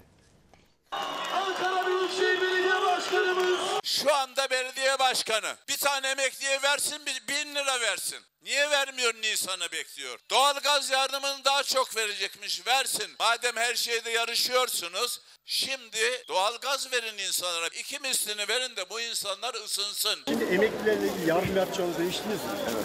Şimdi AK Parti biliyor emeklilerin durumunu. Ona göre dedi. Niye şimdiden yapmıyor merak ediyorum. Yani seçim mi olması gerekiyor? Tamam. Diyoruz ki bu yeterli değil 5 bin lira vereceğiz. Peki seçim mi olması gerekiyor emeklilerin huzurlu olması için? Emeklilere verilen asla bir lütuf değil. Turgut Bey'in görmediği şu. Emeklilerin eskiden emekli ikramiyesiyle bir ev alırken, belki bir araba alırken şimdi tekerini alamaz duruma düştüler maalesef. Emeklilerin paraları yıllarca çarşır edildi. Keşke devlet vereyim, belediye değil de. Büyükşehir kimden alıyor abi? Hükümetten geliyor. Nereden? Babasının cebinden gelmiyor. Başka bir olsa emekliler bu ülkede maaş alamazdı. Bak sana söyleyeyim. Başka bir iktidar olsa. Maaş var ya. Aa, başkana. Provokasyonu bırakalım şimdi. Ne şimdi biraz da İstanbul'u konuştuk ama biraz da Ankara'yı konuşalım. Şimdi Turgut Altınokar e, emeklilere yönelik bütün vaatlerini veriyor ama en çok tepki de onlardan alıyor. Hatta bültenlerimizde de veriyoruz. Bu tepki veren emeklilere de provokatör diyor. Şimdi sen İstanbul'dan Ankara'yı nasıl görüyorsun? Bu emeklilerin e, meselesi oradaki sandıklara nasıl yansır? Şimdi Turgut Altınok diyor ya kardeşim belediyede nereden geliyor? Hükümetten geliyor babasının cebinden değil diye. E, iyi hükümetin de kendi babasının cebinden gelmiyor herhalde. Ne yapıyor yani Sayın Cumhurbaşkanı oğlunu, oğlunu çalıştırıp onun parasını mı alıyor da bize veriyor? Ne alakası var? Yani hani çocuk işçi gibi onu. Yani değil alakası yok. Ona da o da bizim vergilerimizden geliyor. Sanki kendi Cumhurbaşkanı şey değil ki maaşından mı kesip yapıyor? Yani acayip bir zihniyet bunu anlamak. Hükümet kardeşim hükümetin parası Erdoğan'ın şahsi parası değil. İn- Vergilerden oluşturulmuş bir bütçe. Yeniden değerleme oranlarında yüzde yüz zam yaptınız işte oradan geliyor bu. Yani sınava girme e, sınav harçları yüzde yüz zamlandı. Trafik cezaları yüzde yüz zamlandı. Bütçe dediğin ne işte oradan geliyor. Sen benim paramı bana geri veriyorsun. Neyi anlatıyorsun? Bu anlaşılsa zaten çok sorun Bu çözülecek anlaşılsa de. aynen. Ben sana şunun için oy veriyorum. Bak ben gelirimin kaçını artık yüzde kırkını mı ellisini mi neyisini vergi olarak veriyoruz sana. Diyoruz ki bunu doğru düzgün yönet kardeşim beni doğru düzgün yaşat diye veriyorum ben sana bu, bu parayı. Sen gittin damada macera yaşattın işte. Damat kendi ekonomi teorisini doğrulayacak diye batırdı yani. Türkçesi bu. Neyse bu bir tarafa. TÜİ'nin e, memnuniyet anketi yayınlandı. Mutlu musunuz diye sormuş TÜİK. Şimdi %52 mutluyuz demiş. O ayrı da ama 55 yaş üstü mu- mut, yani mutluluk oranı düşmüş. 55-64 yaş arası geçen sene %52'si mutluyum derken bu sene %49'u mutluyum diyor. Ee, 65 plus geçen sene %57'si mutluyum derken bu sene %56'sı mutluyum diyor.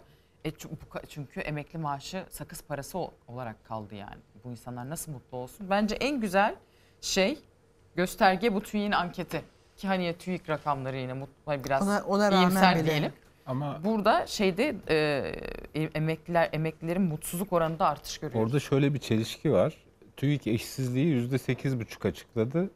Orada Türkiye'nin en büyük sorunu nedir sorusuna cevap verenlerin %19'u 18,5'u işsizlik diyor İşsizlik birinci sırada. Ama hayat pahalılığı diyor. En hayır, ağırlıklı. hayır işsizlik birinci Bakayım. sırada %18,5.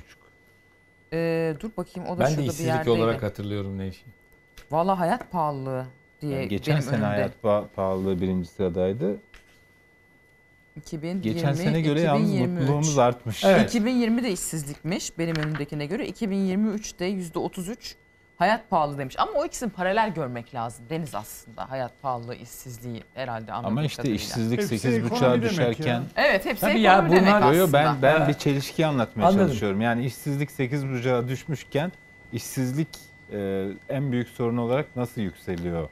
E, TÜİK kendisiyle çelişmiş. Evet anladım yani. ne demek istediğimi. Evet şimdi madem Ankara'da sahaya inmişken Cumhurbaşkanı hatırlıyorsunuz Hatay'da e, e, öyle bir açıklamada bulundu ki oy yoksa hizmette yok e, yorumlarına yol açtı. Sonra Cumhurbaşkanı sanki bu sözü muhalefet söylemiş gibi muhalefeti suçladı. Bugün de oy yoksa doğalgaz yok gibi bir açıklama yaptı.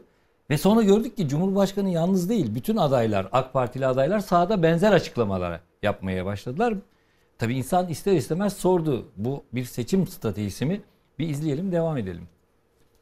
Merkezi yönetimle yerel yönetim el ele vermezse, dayanışma halinde olmazsa o şehre herhangi bir şey gelmez. Hatay'a geldi mi? Bizde CHP'li belediye başkanları gibi oy yoksa hizmet de yok diye milleti açık açık tehdit etmek olmaz. Tekirdağ'da merkezi yönetim ve Tekirdağ belediyemiz el ele vereceğiz ve Tekirdağ'ı ayağa kaldıracağız. Bizim olmadığımız bir büyükşehir belediyesi kusura bakmayın açık konuşuyorum. Doğalgazı nasıl getirecek? Biz varsak doğalgaz var. Biz yoksak doğalgaz yok. Hizmetten mahrum olmak istemiyorsak, hizmet al- almak istiyorsak particiliğinizi kenara koyun. Sizin hizmetkarlarınız karşınızda bakın. Burada oturmuş hizmet etmek için can atan arkadaşlar olarak biz yanınızda olduğumuzu bilin ve ona göre tercihlerde bulunun. Allah kullarının hepsini yaratıyor. Ama cennetine Müslümanları koyuyor. Biz de diyoruz ki siyaset herkese hizmet edecek. Ama kendine destek verenlere, iktidar yapanlara daha fazla hizmet edecek. Bu bizim şiarımız. Biz de beraber yürüyen insanlar da burada ayırırız. Ayrıcalık gösteririz. AK Parti siyaseti herhangi bir yerde bir rant varsa onu peşkeş çekmekle başlar. O kadar bunu gizli saklı yaparlar ki normal AK Parti'ye inanan vatandaşlar onu görmez. Bu dönem Yalvacımızın AK Parti belediyeciliğine son veriyoruz. Bundan sonra AK Parti belediyeciliğiyle lemalanmalarına vesile olacağız. Bir dönüm. Tarlanın fiyatı kaç para? 5 milyon. 200 bin lira şu an. Başka birisi olsa kapıyı kilitler, der boş geç, kalsın. Şimdi tabii Cumhurbaşkanı'nın Hatay'daki konuşmasını biz e, haberciler bir gaf olarak hani yorumladık. E, pek çok kişi de öyle yorumladı. Fakat ardından geçen sürede baktık ki bu bir gafın ötesinde bir strateji gibi görülüyor Deniz. Strateji mi sence? Yok ben gaf olarak görmedim hiç. Yani Cumhurbaşkanı ne düşünüyorsa onu söylüyor yani zihnindeki düşünceyi doğrudan yansıtıyor. Niye gaf olsun ki? Peki bunu bir şeye dayandırarak bir ölçülebilir bir durumu mu var acaba? Partinin yaptırdığı bir anket mi var? Ee, bir karşılığı var mı? E, Seçmende bunu söylerken. Ee, yani anket Bu var mı bilmiyorum ama söylemeyin. bu yönde bir karar alındığı belli. Yani bu ben de öyle düşünüyorum. Bu video hazırlandığı sıralarda belki de daha sonra Faruk Çelik'in Bursa Kemalpaşa'da yaptığı konuşma da geldi. Orada da aynı vurgu var. Yani bu tesa birincisi tesadüf Videoda olabilir. vardı Tesadüf olabilir. ikincisi tesadüf olabilir. Üçüncüsü tesadüf olur. 5, 6, 7, 8. Şimdi bütün adaylar aynı mesajı veriyorsa bu bir strateji. Belli, belli ki e, genel seçimde nasıl işte CHP iktidara gelirse PKK e, şey olur falan diye yaptılar ya. Belli ki yerel seçimde bu çok tutmuyor. Yani şimdi Ankara'da Mansur Yavaş'a hani sayaçlarınızı PKK'lılar e, okuyacak denildiğinde ne olduğunu gördük. Yerel seçimde tutmayan bir Hükmü hikaye. kalmadı yani artık o propagandanın. Evet evet. Onun onun hükmü kalmadı. Şimdi yeni bir şey. O da nedir? Milletin gözünü korkutuyor. Millete şunu diyor. Bak diyor ey halkım. 1 Nisan'dan itibaren 4 sene baş başayız. Eğer AK Partili bir belediye yerine CHP'li bir belediyeyi seçersen 1 Nisan 2024'ten sonra 2028'e kadar hatta 2029'a kadar benden hizmet falan alamazsın diyor. Bu ciddi bir şey. Yani e, İstanbul'da, Ankara'da işe yaramayabilir ama küçük yerlerde e, insanlar tedirgin olurlar, çekinirler. Ya derler ki lan biz şimdi bir e, muhalif belediye başkanı seçeceğiz. Ondan sonra 3000 nüfuslu ilçemize hiçbir hizmet gelmeyecek. E, muhalefet belediyesiz diye şöyle olacak, böyle olacak falan diye endişeye kapılacaklar gibi bir strateji belirlemişler görünüyor. Görünüyor. Yani bu İstedikleri bu. tesadüf İstedikleri tesadüf bu. Evet. Tesadüf değil yani bu kadar fazla AK Partili siyasetçinin aynı dili kullanması Tayyip Erdoğan'ın Hatay'dan bir hafta sonra yine beyaza siyah demesine rağmen yani e, CHP'liler bunu yapıyor biz yapmıyoruz benimkini cımbızladılar falan demesine rağmen bu kadar çok AK Partili yerel siyasetçinin aynı cümleleri kurması tesadüf olamaz. Bence bu bir strateji. Bizzat Ankara'da AK Parti'nin strateji ekibi tarafından ya da işte e, Ertan Aydın'ın ofisi tarafından belirlenmiş bir şey gibi gözüküyor. gözüküyor. Murat bir izleyicimiz demiş ki Sayın Şentürk AK Parti aday seçilmezse hizmet gitmeyecek diyor. O zaman bence belediye başkanı seçimleri de belediye başkanları kaldırılsın. Valiler yönetsin. Eğer partiye göre ise hizmet belediyeye gerek var mı? Hizmete ve belediye. Tabii düşük cümlelerle, devrik cümlelerle yazmış. Diyor ki hiç belediye Yo, çok- başkanlığı çok seçimlerini güzel yapmayalım. anla- Valiler yönetsin. E zaten oraya doğru gidiyor. Şimdi şu yani oraya doğru götürmek istiyor Erdoğan. Çünkü bu Cumhurbaşkanlığı hükümet sistemi denilen ve bütün e, yürütmeyi tek elde Cumhurbaşkanının elinde toplayan sistemin aslında e, yerel yönetimler olmadan tam olarak tam iste- istenildiği, arzu edildiği gibi işlemeyeceği görüldü. Bakın bunun en somut örneği, en e, açık örneği bu Kanal İstanbul meselesidir. Yani Kanal İstanbul'u 2011'den beri Erdoğan söylüyor.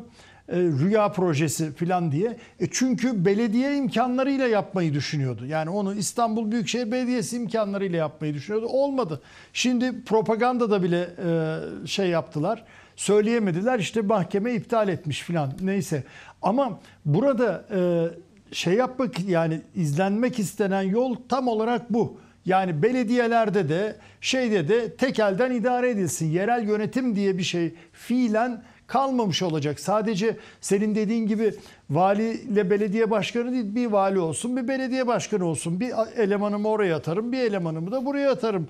Boşta mı dursun adamlar? Yani şey bu. Yani mantık bu. Ee, şeyin her tarafı yani yerel yönetim, genel yönetim e, her şeyi e, ben idare edeyim ve e, mahkemeler falan da buna karışmasın. Eğer benim isteğim dışında karar veriyorsa mahkemeler de karışmasın buna. Yani şey bu tamamen hani şeye doğru bir gidiş var. Bu hani otoriterizm falan diyorlar. Ha, bayağı bir total bakış bu yani. Her şeyi ben e, yapayım. E, amaçlanan budur. Ha buna bunu e, Deniz'in e, vurguladığı gibi yani e, evet küçük e, yerleşim birimlerinde buna bundan korkanlar olabilir ama e, aslında hiçbir şey de yapamaz. Yani e, tutup yani e, kendi vatandaşını e, hizmetlerden mahrum bırakırsa sen bana oy vermedin diye e, bunu bunu yapacağını zannetmiyorum. Bu e, büyük bir blöftür yani. Hatay Hatay olayı tabii e, bir nasıl diyeyim e, durumdan vazife çıkarma işi mi diyelim ya da işte kitabına uydurma bak işte Hatay olmadı bu yüzden olmadı. Göz korkutmak için diye olduğunu düşünüyorum daha çok. Evet. Çiğdem sen bir şey söylüyordun bu konuda. Ben bu şeyle ilgili olarak e, bana katılmayabilirsiniz ama Hatay konusunda e, Cumhurbaşkanı Erdoğan'ın bu merkezi yönetim ile konuşmasında merkezi yönetim ile el ele vermezlerse deyinceye kadar e, bir metinden okuduğunu, e, sıra Hatay'a gelince de metin dışına çıktığını e, düşünüyorum. Düşünüyorsun. Öyle düşünüyorum. Yani orada bir gaf da değil, e, taktiksel bir durum da değil ama e, prompter takibinden çıkmaktan kaynaklanan bir yol kazası olduğunu düşünüyorum. Yol kazası Ama mı? orada da aynısını söyledi ya. Yol Aynısını kazası mı? Taktik Belki mi? Zonguldak'ta, Zonguldak'ta da söyledi. söyledi. Sen ne belki, düşünüyorsun? Belki de Hatay'dan sonra bir ölçüp bakmışlardır. Ölçüp bakmış olabilirler. Senin düşüncen ne? Evet. Yol Kendilerine- kazası Yani mı? ben de- Taktik mi? ya Yoksa şimdi gaf mı? mesela bazı sokak röportajlarını izledim. E, bir vatandaş diyor ki ben aslında AK Partiliyim ama Ekrem İmamoğlu'nu çalıştırtmıyorlar ya diyor. Onun için ben Ekrem İmamoğlu'na vereceğim diyor falan. Münferit midir değil midir bilmiyorum. Anket şirketlerine de son dönemde güvenmek zor. Belki İstanbul'da ters tepebilir çünkü biraz işte orada Ekrem Evet. İmamoğlu faktörü var. İstanbul bir metropol. E, bir Tabii, de böyle tabii. bir Türkiye siyasetinin de bir parçası olarak algılanıyor falan iş başka. Ama küçük yerlerde bunun etkisi olur ya. Çünkü küçük yerde bir ilçedesin. Oraya yapılacak yol bile senin için çok önemli. Bütün hayatını etkileyecek bir şey. E şimdi biri tutup da bak çalıştırtmayacağım ben öbür tarafı seçersen deyince e, insanlar da düşünecek ya hakikaten bu öbür tarafta iyi ama çalıştırtmayacaklar bunu ben AK Partili'ye oy vereyim e, dedirtir yani bunu da bilerek yapıyorlar belli ki bilerek diyorlar. Bir de hani e, şey dediniz ya o zaman hiç seçilmesin belediye başkanı valiler yönetsin diye. Eskiden olsa ne? Eskiden AK Parti karşıydı ya bürokratik vesayete işte seçilmişler, atam seçilmişler Bürokratik oligarşi falan, falan derdi diyorlardı. hatta evet. Şimdi iş oraya geldi çünkü bütün valiler de partili. Yani Evet. partili olmayan da vali ama dışlanır. Mobbinge Tabii. uğruyorsun bürokraside. Kimse hikaye Hatta valilerin anlatmasın. seçimde bizzat e, iktidar partisi için çalıştıklarını da biliyoruz. Tabii canım açık açık. Yani Açık açık. Parti devri. Bütün hani bu işte CHP'nin tek parti döneminin eleştirdikleri ne varsa 100 bin katını yapıyorlar yani. 100 bin katını. Bir de Murat Bey çok doğru bir şey söyledi. Hani hiçbir denetim mekanizması olmadan tek kişi yönetsin. istediğini her alanda yapsın diyor ya. Hayır bir de bir de yanlış yapıyorlar. Hepsi de yanlış. Yani FETÖ'cülerden kandırıldılar. Az kalsın darbe olacaktı. Orada bir patlattılar. Orada Türkiye ekonomisi ne kadar geriye gitti. E, ekonomi teorisi dediler uygulayacağız. Onu patlattılar. Teori yanlış çıktı. E, dış PKK politika ile dediler. yaptılar. Abur Patladı. Stratejik derinlik bunlar. dediler. Çok Hadi doğru. o patladı. Sonra değerli yalnızlık dediler. O patladı. E kardeşim senin aldığın her kararda yanlış. İnsan bir noktada der ki ben kendi kendime bir şey yapıyorum ama yanlış yapıyorum hep yani. Acaba biri beni Sürekli- denetlese mi yani? Sürekli sanki yanlış yapıp hep kazanınca Yani- denetimlisi ihtiyacı yani. olmuyor tabii. Evet. İktidarı konuştuk. Biraz da Cumhuriyet Halk Partisi'ni konuşalım. Şimdi tabii Cumhuriyet Halk Partisi'nde de bu adayların neye göre belirlediğini, e, belirlendiği, nasıl belirlendiği çok tartışılıyor. İstifalar oldu ama en çok bu istifalardan Gürsel Tekin'in istifası konuşuldu bu hafta. Ee, siz de Sözcü TV'de Saygı abiyle Saygı Öztürk'le yayına aldınız. İstanbul, Kadıköy, Ankara, Çankaya çok tartışılıyor. Deniz kapalı kapılar ardında CHP'de neler oluyor? Yine bana sordu. ya e, CHP'de hiçbir şey kapalı kapılar ardında olmuyor. Her şey açık Her oluyor, şey değil mi? açık oluyor. Zaten hani bu soruyu AK iyi. bu soruyu AK Parti için sormalıydın. AK Parti'de Doğru kapa- söylüyorsun. Kapalı Çok kapılar- doğru söylüyorsun. Tabii sorunun genelde hep öyle olur ya. O soru öyle sorulur ya kapalı kapılarda. Ee, AK Parti'de kapalı kapılar ardında çok şey oluyor. Soruyu CHP biraz daha seksi hale getireyim demiştim. Evet. CHP'de her şey herkesin önünde oluyor. Doğru. Kimse bu iyi bir şey aslında. Ben e, yani şunu söylüyorum hep. Yani yöntem falan tartışılabilir. Aday belirlenen adaylar tartışıyoruz da zaten. Ama böyle dinamik bir tartışma olması e, demokrasi açısından iyi bir şey. Yani düşünün e, çıkıyor genel başkan e, İzmir adayı belirliyor. Kıyamet kopuyor. Biz bile ben ben açık açık söyledim yani Tunç Soyer'den memnuniyet düşükse Cemil Tugay'dan yüksek mi? Yani Karşıyaka'da onun memnuniyeti daha düşük yani. Buna hepimiz açık açık söylüyoruz. Ama Hamza Dağ konusunda kimse konuştu mu? Yani Tayyip Erdoğan Hamza Dağ İzmir adayı yaptı. Kimse tartıştı mı? Yok. Tartışmadı yani. Yani bu bu- kim bilir kaç tane İzmir'de aday olmak isteyen AK Partili bu durumdan rahatsız olmuştur. Kendisi olmak istemiyor. Ya da Antalya'da Kepez Belediye Başkanı'nı aday yaptılar. Acaba Menderes Türel şu anda depresyonda mı mesela? Konuşamıyorlar çünkü. CHP'de İtiraz edemiyorlar. Nüket Bu Otar parti kültürüyle ilgili oldu. bir şey. Nüket Otar da büyükelçi oldu. Tamam işte orada da mesela 9 Eylül Üniversitesi'ne yeni bir rektör için kapı aralandı bir siyasetçiye. Evet. Yani Aynen. böyle bir durum var. Şimdi ben şunu söyleyeyim. Ee, yani çok insafsız da olmak istemem. Ee, ama özellikle e, garanti belediyelerde garanti belediyelere daha doğrusu bir kupon belediye muamelesi yapıldı. Tayyip Erdoğan'ın, Murat Kurum'un, işte eski çevre bakanlarının e, geliştirdiği bir kavram var ya kupon arazi. Hani değerlenen birdenbire rantı olağanüstü bir şekilde artan vesaire. E, böyle hani cepte olan ba- bazı belediyeler var muhalefet partisi için. Onlardaki aday belirleme süreçleri rahatsız edici oldu CHP tabanında. Yani Çankaya o, o nedenle örnek veriliyor. e, işte e, bir sürü aday var. Adaylık başvurusu dahi yapmamış birini aday yapıyorsunuz. Yani bir sürü aday adayı var. Adaylık Çankaya için mi söylüyorsunuz? Evet evet. Yani e, e, özelliği ne? Ya şöyle şimdi şunu e, Özgür Özel'in falan söylemlerinden yola çıkarak söylüyorum ya da konuştuğum partililer Özgür Özel parti meclisini MYK'yı öyle e, ikna etmiş. Hikayesi var. Ya hikayesi dediğiniz e, işte yetim büyümüş, annesi e, cezaevlerinde e, İnfaz koruma infaz memuru. koruma memuru olarak çalışıyor. Sınavlarda başarılı olmuş. E, hakim olmak istememiş ama olamamış. Alevi olduğu için. Şimdi Türkiye'de bir kere Alevi ve Kürt olduğu için hakim olamayan binlerce insan var. Yani o açıdan e, ilk defa karşımıza çıkan falan bir örnek değil. Bir de ben şunu duydum, e, öğrendim daha doğrusu. E, zannedersem hakimlik başvurusu yaptığında siyasi parti illiyetini sonlandırmadığı için Öyle mi? bir sorun olmuş orada. Yani e, hiç Alevilik meselesine gelmeden fırsatı bulmuşlar. Hemen Yani parti üyeliği mi devam ediyormuş? zannedersem Hı. öyle bir savunma yaptılar bakanlıktakiler. Denizcim, e, Denizcim Malatya bağlantısı da etkili olmuş mudur sence? Ya olmuştur tabii. Yani şu Hani oraya bir velisi, bir velisi var mıdır yani? İşte veli, Velisi Ağababa- derken Veli Ağababa'yı kastediyor Veli Deniz. Ağababa'yı diyor. Murat. Ya ben böyle işi Herke, herkes onu herkes zaten onu Ya kastediyor. yani. Bunlar bunlar siyasi dedikodu e, şeyi açısından güzel. Doğanın tabiriyle seksi konular ama ben daha ilkesel yaklaşıyorum. Yani şimdi şunu diyorlar parti e, neferi. E, bakıyorsunuz 7 yıl içinde partide değişik görevlerde bulunmuş ve hızla yükselmiş parti meclisi üyeliğine gelmiş. O da o ilişkiden kaynaklanıyor. Yani bir, bir sürü aynı hikayesi olan CHP'li tanırım ben. Onlar da partide bu kadar hızlı yükselmiyorlar. Yani bir, bir e, sahiplenme var. Gerçekten bir sahiplenme var ve e, ya ben ben gerçekten tanımıyorum o arkadaşı. Hiç karşılaşmadım. Eminim çok zekidir, eminim çok başarılıdır, eminim çok iyi bir avukattır.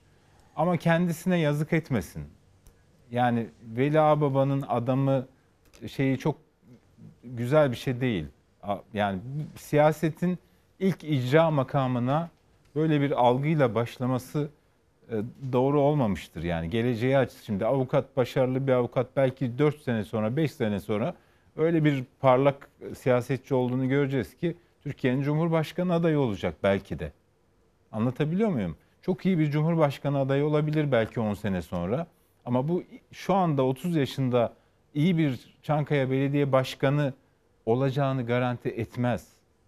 Bunu CHP'lilere bunu anlatmaya çalışıyoruz ama bizi böyle şey yapıyorlar işte.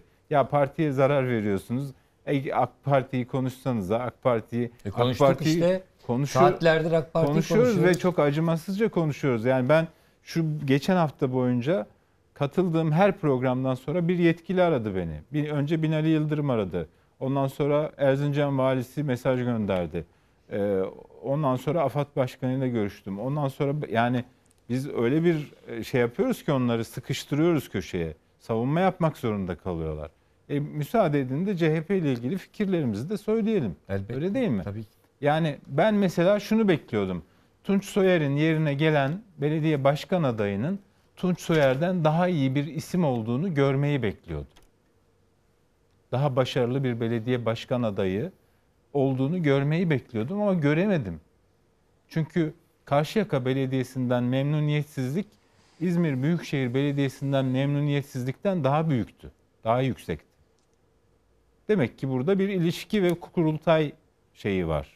illiyeti var. Yani kurultayda e, şimdiki genel merkez yönetimini desteklemesi bir avantaja dönüşmüş. Başka başarılı olabilecek adaylar da vardı. Onlar bir şekilde e, şey yapılmış. E, İstanbul'da mesela Esenyurt hala tartışılıyor. Gürsel Tekin'in kendisine de şey yaptığım için e, vatandaş da tepki gösteriyor Gürsel Tekin'e. Ya hani aday gösterilmeyince istifa ettin yorumunu yapıyor vatandaş.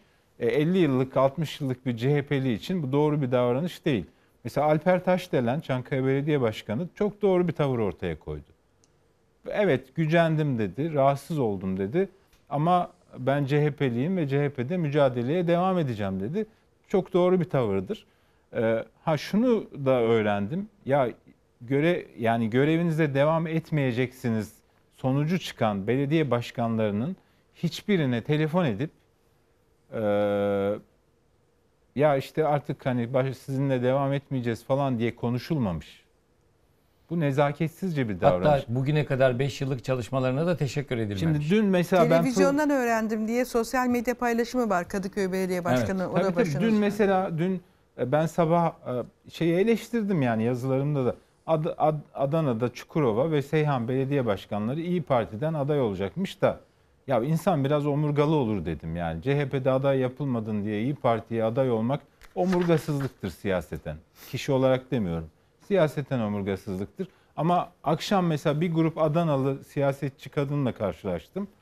Ee, onlar da diyor ki ya e, Çukurova Belediye Başkanı'na bir telefon bile edilmemiş işte. Seyhan Belediye Başkanı'na bilmem şöyle bile yapılmamış falan. Yani onların yanlışı siyaseten omurgasız olması e, genel merkezin nezaketsizliğini örtbas etmiyor.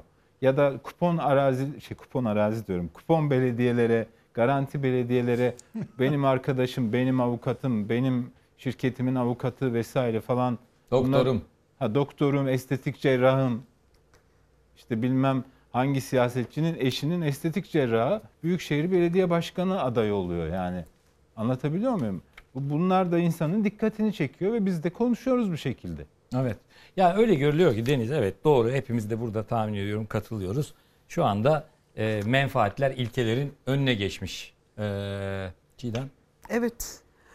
Şey Çiğdem bunun özetti. devamında mısın şey Evet yani yapıyorsun? bununla ilgili Ben Murat'a da e, geçeceğim, döneceğim. Programdan kısa bir süre önce telefonum çaldı. E, başka bir telefon zannederek açtım. E, tanışmıyoruz diyen bir hanım Çankaya seçmeni Çankaya'da yaşıyor. E, lütfen dedi bu akşam orta sayfada iletir misiniz? E, biz Çankaya'daki dayatmadan rahatsızız. Yani dayatma olarak tarif etti aday belirleme yöntemini. En azından bize sorulabilirdi, fikrimiz alınabilirdi, anketler uygulanabilirdi. Bunu da burada iletmiş olayım. Bu, bu bir simge ama önemli bir simge. Gerçekten Çankaya açısından bakıldığında. Hadi ön seçim her tarafta uygulanmıyor Cumhuriyet Halk Partisi açısından. Ama en azından katılımcılık ve çoğulculuk adına biraz daha demokratik e, yollar ve yöntemler e, denenebilirdi. E, Böyle olmayışı akla bir sürü soru işaretini gerçekten getiriyor. Sen demin kupon belediye dedin ama aslında orada şöyle bir şey var gerçekten. E, garanti anlamında kull- kullanıyorsun onu ama e, o belediyelerin de e, bütün belediyelerde olduğu gibi bir rant üretme potansiyeli Tabii, tabii, var. Böyle imar- bir kapa imardan kaynaklanan çok e, geniş imar yetkilerinden İhaleleri kaynaklanan bir ihaleleri var. Alım, mal, hizmet, inşaat, danışmanlık bir sürü e, alım yapıyorlar. Milyarlarca liralık ve rant üretme mekanizması var şeylerle, imar artışlarıyla. Dolayısıyla o kupon kelimesi aslında çok da yanlış bir kelime değil. Ben e, bu tür kararların belirlenmesinde e, bu yetkiler silsilesinde belirleyici olduğunu düşünüyorum. Evet. Murat Deniz'e Cumhuriyet Halk Partisi'nde kapalı kapılar ardında neler oluyor diye sordum ama kapısı kapalı olup açan bir Kemal Kılıçdaroğlu var ve bugün sahalarda gördük. Bütün ayrıntılarda sen de biliyorum. Neden Ya çıktı meydana? Benim için de sürpriz oldu açıkçası. Şimdi e, bu hani Batı siyasetinde bir 100 gün şey vardır ya işte yeni gel Amerikan yönetim gelir 100 gün raporu verir filan. 100 günü doldu ama neyin 100 günü doldu? İşte e, kurultayın 100 günü doldu. Yani 5 Kasım değil mi? İşte bugünlerde 100 gün e, dolmuş oldu. E, Özgür Özel'in seçildiği kurultayın Kemal Kılıçdaroğlu'nun da koltuktan indiği kurultayın 100 gün baktık Kemal Bey sahada. E, efendim Ostim'de Ankara'nın Ostim Sanayi Bölgesi'nde bir e, tamirhane sahibi e, işte diyor ki şey yapalım. E, gelin beraber kahvaltı yapalım diyor. O da diyor ki efendim simitler benden diyor. Gidiyorlar. Ee, işte orada e, enteresan şeyler söylüyor. Söylediği şey siyasete giriş kapısı vardır. Siyasetin giriş kapısı vardır, çıkış kapısı yoktur. Ve böyle başlıyor konuşmaya. Bu tabii Ee, merhum Süleyman Cumhurbaşkanı Demirel'in Süleyman. Demirel'in sözü. Süleyman Demirel'in sözü. Yani e, böyle bir bağlantı var. Tabii Süleyman Demirel orada e, o sözün devamında e, diyor ki tabii ben diyor Cumhurbaşkanlığından indim ben artık parti siyasetinde yokum diyor işte uluslararası ilişkiler Türkiye'nin çıkarları falan diyor. E şimdi orada tabii e, parti soruları da soruluyor. E, Kemal Bey de diyor demiş ki işte ee, ben e, partime laf söyletmem, parti meselelerini içeride konuşmam, kazanmasını isterim. Şimdi orada söylediği enteresan bir şey var. İstesen de çıkamıyorsun diyor siyasetten. Valla ben yani e, şu anda mesela burada programdayız. Stüdyonun kapısı şurada. Değil mi? Yani istesem yani Aa, arkadaş ben artık bu programda yokum diye kapıdan çıkabilirim değil mi? Yani bunun e, bir şeyi yok. Ama belli ki ben şunu e, yani edindiğim bilgi de bu yönde. İşin şakası bir yana. E, e, bu zannediyorum Kemal Bey'in bir ilk hamlesi. Yani böyle şeylerin devamının e, geleceği Bu hamle kime karşı bir Murat bilgim sence? var. E, bu hamle bir yani kime karşı değil neye karşı 1 Nisan'a karşı. Yani hani e, şeyde e, eğer 31 Mart seçimlerinde örneğin İstanbul'da, İzmir'de istenen sonuç alınmazsa yani Ekrem İmamoğlu örneğin e, diyelim kaybederse o o zaman tam şey olacak. Kılıçlar tam çekilecek Cumhuriyet Halk Partisi'nde. Belli bir şey. Belli bir şey. E, yani bu durumda bugün e, konuyla ilgisi yokmuş gibi görünecek söylediğim ama Gaziantep'ten bir arkadaşım e, Ankara'ya geldi Antepli.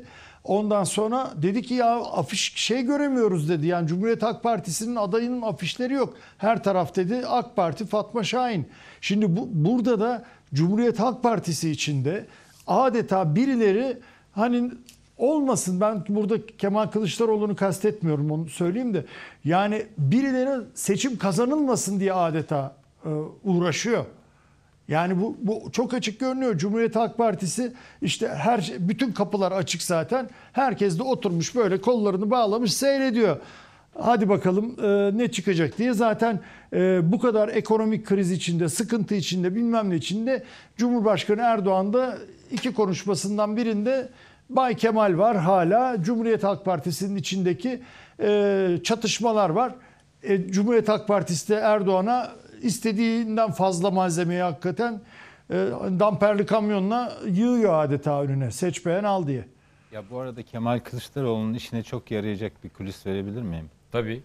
Çok Oradan yakın Nevşin'e gelelim. Çok yakınındaki bir milletvekili yani e, çok çok yakınındaki bir milletvekili geçenlerde genel merkeze gitmiş. Oradaki e, ekiplerden biriyle ya ben de sizinle takılayım buralarda yardımcı olurum, işlerinizi kolaylaştırırım falan diye genel genel merkezde bir yer edinmeye çalışmış. Genç bir milletvekili. Oo. Çok enteresan. Evet. Yani Kime Özgür, anlamadım. Kime gitmiş genç? Özgür, Öze- Özgür Özel'in yakın çalışma arkadaşlarıyla görüşmüş. Demiş ki ben de artık sizinle takılayım, size de destek olurum. Deneyimlerimden, iş, işle ilgili şeylerimden faydalanırsınız diye. Ee, genel merkeze Bu, bir... bu şey olabilir mi? Ee, Kılıçdaroğlu yönetiminde e, genel merkezde bir pozisyon sahibi olabilir mi böyle bir kişi? Ee, her yerde olabilir. her yerde olabilir. Aha ama sen de yani bir Ya her yerde derken- lafı Yani Murat devamı- haklısın. Sana katılıyorum. Gel de sıkıştırma. Hayır Bana her diyor ki yerde Doğan dediğim beni hayır. sıkıştırıyorsun. Her Yani yerde dediğim yani ha. her koltukta olabilir. Gel de sıkıştırma Nevşin. Her koltukta oturmuş Yani olabilir. Kemal Bey'in Kılıçdaroğlu'cuymuş. prens, Ha. prenslerinden biri yani. Ee, işte danışman da olabilir, bilmem ne üyesi de olabilir, bilmem ne milletvekili de olabilir. Yani e, onu kastettim her yerde olabilir derken. Yani Kemal Kılıçdaroğlu'na Doğan yakın bence milletvekili, bence sıkıştır Doğan. yakın milletvekili genel merkezde diyor ki artık sizdenim. Sizinle çalışmak Evet, istiyorum. bunun anlamı o. Sizdenim demesi için Özgür Özel'in kabul etmesi lazım. Evet. Ama reddediliyor galiba. Peki çok Cumhuriyet Halk Partisi içerisinde çok e, marka karşılığı olan bir isim mi? Yok yok. Ha. Zurnanın son deliği yani. ya sen de gömdün yani adamı. yani hem sen kulis veriyorsun adamla ilgili hem de gömüyorsun Ama yani. Kemal Bey için e, çok önemli. Kemal yani. Bey için çok önemli. Evet. Yani Evet, ne- Kemal Bey de danışman Kemal çoktu Bey, ya. Onun için e, danışman olabilir duyuruyor. deyince. Evet. Uzun bir liste. Türkiye'de danışmanı olmayan kalmadı Kemal Bey. Milletvekili dedim ama. Hem danışman hem milletvekili. Evet. Ya şimdi burada tabii yeni yönetimin bir dezavantajı bir kurultay süreci gerçekleşti. Kurultaya da kıl payı kazandı bu değişimciler hatırlayacak olursanız. Ee, ve onun hemen ardından çok yakın birkaç ay sonra bir seçim. E, bu zor. Yani buranın bunu zor geçeceği de belliydi. Çünkü tam parti içinde kendi iktidarlarını konsolide etmeden bir aday seçmek zorunda kaldılar. Ve bu adaylar belirlenirken hoş her ne kadar Özgür Özel işte yapay zeka kullanıyoruz falan demiş bugün vermiş olduğu bir röportajda bir gün gazetesinden arkadaşımıza. Fakat yapay zeka da Türkiye'de tam anlaşılmıyor. Herkes her şeye yapay zeka diyor. İşte diyor aynı anda 100 kişiye soru sorulabiliyor, onların sonucu değerlendiriliyor. Yapay zeka bir isim önerirse onu da soruyoruz falan e, gibi şeyler Şirketlere söylemiş. atfen söylüyor aslında Şirketlere orada atfen Özgür Bey. söylüyor kendisi. Anket yapan Araştırma şirketlerin kullandığı ar- Evet. ar- araçlar. Evet. Yani artık yapay zeka mıdır nedir bilmiyorum ama muhtemelen e, aday belirlerken biraz kendi parti içerisindeki güçlerini konsolide etme refleksini de kullandılar. Çünkü onlar biz nasıl görüyorsak e, Kemal Bey ya da Kemal Bey'in çevresinin hazırlığını görüyorlar. Yani buradan e, her halükarda bu seçimden sonra e, değişimcileri değiştirmek isteyenler hareketlenecek. Onlar da ona göre pozisyon alıyor öyle anlıyorum. Yani dediğim gibi dezavantajları bu yerel seçimin çok yakın olması. Ee, bir de şunu da hatırlamak lazım. Biraz bu işler CHP içerisinde böyledir. Kemal Bey yani böyle ne kadar mülayim, sessiz, sakin, bürokrasiden gelmiş, böyle tatlı biri falan değil mi? İmajı hep o yönde. Fakat kendisi de CHP'de genel başkan koltuğuna oturduktan sonra bir yıl içerisinde partiyi hallaç pamuğu gibi atmış. Gençlik kolu başkanı dahil herkesi değiştirmişti yani. Unutuyoruz tabii ama biraz bu işler böyle oluyor. Ee, yönetici olarak e, nasıl yöneteceksin? Koca parti 80 yıllık kendi içinde dengeler var. 80 tane hizip var. AK Parti içinde de var bunlar tabii. Olumsuz anlamda söylemiyorum ama işte her gelen biraz kendi şeyini imzasını atmaya partiyi daha kolay kendisi açısından yönetilebilir hale getirmeye çalışıyor. E şimdi bu yeni yönetimin tabii her şey e, yerel seçim sonuçlarına bağlı. Özellikle İstanbul'a bağlı. Ama İstanbul kazanılsa bile e, bazı büyük şehirler kaybedilirse işte Antalya, Adana vesaire gibi hele hele İzmir gibi o zaman tabii e, külahları değişir bu CHP yönetimi Peki seçmenleri. bu durum şu anki gördüğümüz manzara Cumhuriyet Halk Partisi'nin genel merkezinde gördüğümüz manzara Mustafa Kemal Mahallesi'nde Kılıçdaroğlu'nun ofisinde gördüğümüz manzara İstanbul Teşkilatı'nda gördüğümüz manzarayı da Hı hı. e, dikkate alarak sen ne görüyorsun? Yani ben İs- İstanbul Teşkilatı'nda Seçimler. bir sorun görmüyorum. İstanbul Teşkilatı asılıyor, çalışıyor. Fakat şöyle bir şey var. Ya bu CHP'de hep de olur. Her dönem birileri aday gösteriyor. Aday gösterilmeyenler kızar, basın açıklamaları yapar. Bu hep böyle oldu. Bu CHP'nin şey, şeyinde var. Yani bir AK Parti gibi tek adam sultası ya başka bir şey artık AK Parti. E, Parti mi o da o bile tartışmalı. Bu böyle, bu böyle olur. Biz her seçim aynı heyecanla konuşuyoruz ama her seçim bu böyle oluyor. Bir de şöyle de bir şey var. CHP seçmeni memnun etmek de zor CHP açısından. Ee, partisini eleştirmeye de çok yatkın bir seçmen. Bu da iyi bir şey. Ya mesela genç aday yok genç aday. Genç çıkarıyorsun. Aa bu da çok genç. istemiyoruz biz onu falan. İşte kadın çıkarken iyi çıkarıyoruz. Aa biz bu kadındı demedik. Başka kadın dedik falan. Böyle bir şey de oluyor. Ben e, yani izleyip görme taraftarıyım. E, e, mesela Çankaya adayı tanımıyorum hiç hakikaten. E, 93 doğumluymuş. Ya Çankaya'da genç birisi iyi bence. E, bir gen- genç biri olsun ya. İşte Türkiye'nin en büyük, en önemli ilçelerinden bir tanesi. Genç bir, umarım vizyoner bir isimdir. Hep aynı isimlerden sıkıldık. E, vizyonunu da ortaya koyar inşallah o gençliğiyle e, neyse yani. E, ya da Lal Denizli, onu da hiç tanımıyorum kendisini valla.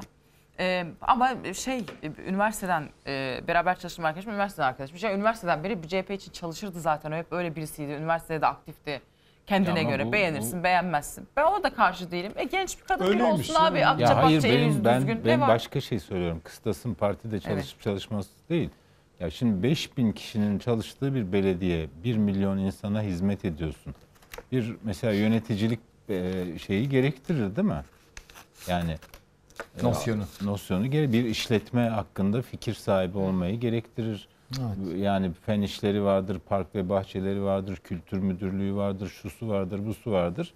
Böyle 5000 kişilik bir şey, ücret politikası, insan kaynakları, şu bu. Yani çok bir E bu sefer hadi iş adamı getiriyor. Orada vay Yo, yo, bunlar hayır. sermayedar diye İş kızıyor. adamı olması şart değil de yani hiçbir profesyonel iş deneyimi yok. Yani hi- hiçbir şirkette Hangisi çalışıyor. için diyorsun? Çankaya'dan bahsediyorum. E o da avukat değil mi adam? Çiğdem- Kendi Avukat bürosunu da- döndürmüştür hiçbir şey Çiğdem'in olmasa. ya. bürosu. E tabii hiçbir şey olmasa. Hiçbir şey olmasa. Doğru Murat e, Ben- çok memurdan doğru bir şey iyi. söylüyor. Şimdi Nevşin güzel söyledin. Yapay zeka ile hani bazı şeyler belirleniyor dedik.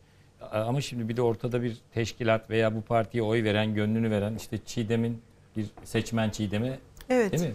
Evet, bir sistemini iletmiş. Evet sistemini iletti işte onu e, yani anket yapılmasını beklerdik dedi. Ee, yani tanımıyoruz dedi. Ama Çiğdem Hanım, Bize çok dayatılmış gibi geldi. Yo yo ben Yo, yo, ben de araya girip şey Evet, söyledim. Rica etti yani bunu Haklısınız. iletir misiniz? Fakat Ekrem Sadece ben İmamoğlu da anketten çıkmıyordu mesela. Şimdi anket dediğin zaman CHP teşkilatı içerisinde herkes Ama kime- en azından Ama İmamoğlu pro- Beylikdüzü profile uyuyordu deneyimi ama. vardı. Bakın Ekrem İmamoğlu'nda bir Beylikdüzü profil Belediye Başkanıydı, belirlenmişti. evet.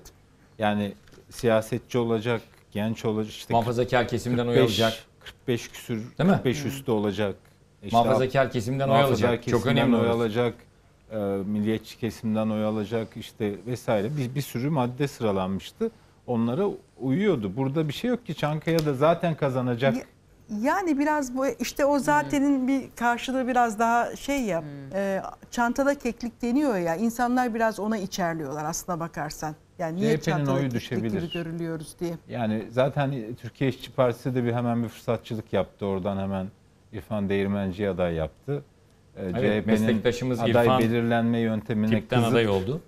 Şey olanların e, ya gelin işte buraya oy verin, tipe oy verin gibi bir yani CHP adayı bel- belirlendikten sonra tip adayını açıkladı. Belki de Hatay'da da bir öyle bir şey oldu değil mi tipin adayı? ya Hatay, Hatay'ı kıyaslamak mümkün değil. Gökhan Zan çünkü orada e, oraya gönül vermiş bir isim. Yani ben ben e, Ya seçim sonuçları pek öngörülebilir değil herhalde eskiyle kıyaslandığında. Bu defa Ya biraz şeyi- sürprizlerle ben- Ben bir şey karşılaşabiliriz. söyleyeyim mi? Bakın e, lütfen hiçbir meslektaşımız üstüne alınmasın ama ben e, gazetecilerin yani milletvekili de olurum, belediye başkanı da olurum, İzmir'den de olurum, Ankara'dan da Çankaya'dan da olurum falan gibi bir bakış açısıyla siyaseti bu kadar şey yapmalarını doğru bulmuyorum.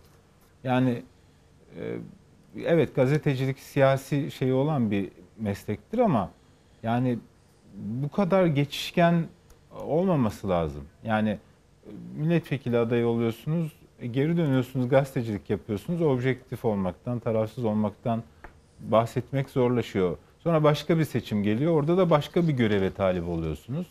Bu biraz yani be- benim doğrusunu isterseniz hani siya, siyasetle gazetecilik arasındaki e, şeye bakış açım açısından biraz çelişkili bir durum. Evet ben de meslektaş dayanışmasına önem veren bir insan olarak İrfan'la da geçmişte çalıştığım için çalışmış birisi olarak daha doğrusu kendisine başarılar diliyorum. Ben de Ee, başarılar diliyorum. olmasını Ya da benim çok söylediğim ilkesel bir şey yani. İrfan'ın başarılı olmasını da isterim. Şimdi e, ne çizdin ve as- açıkçası ben şeyi de çok merak ediyorum. Biraz önce Nevşin konuşurken 31 Mart gecesi seçim gecesi burada olacağız hep beraber. İşte bütün orta sayfa ekibi Ankara temsilcimiz Tülay burada olacak. Ee, acaba ne konuşacağız? Çok merak ediyorum. Yani zaman zaman bunu düşünmüyor değilim. 31 Mart 14 Mayıs gecesi. gecesine benzeyecek mi benzemeyecek Yani mi? işte ne konuşacağız? Vallahi herhalde Etimeskut'a bakacağız böyle. Evet. Ee, ara sıra ne oldu Evet. orası falan diye en çok bakacağımız yerlerden biri Evet. olacak. Ne çizdik bugün? Ben bugün e, Ekrem İmamoğlu'nun rakibini çizdim.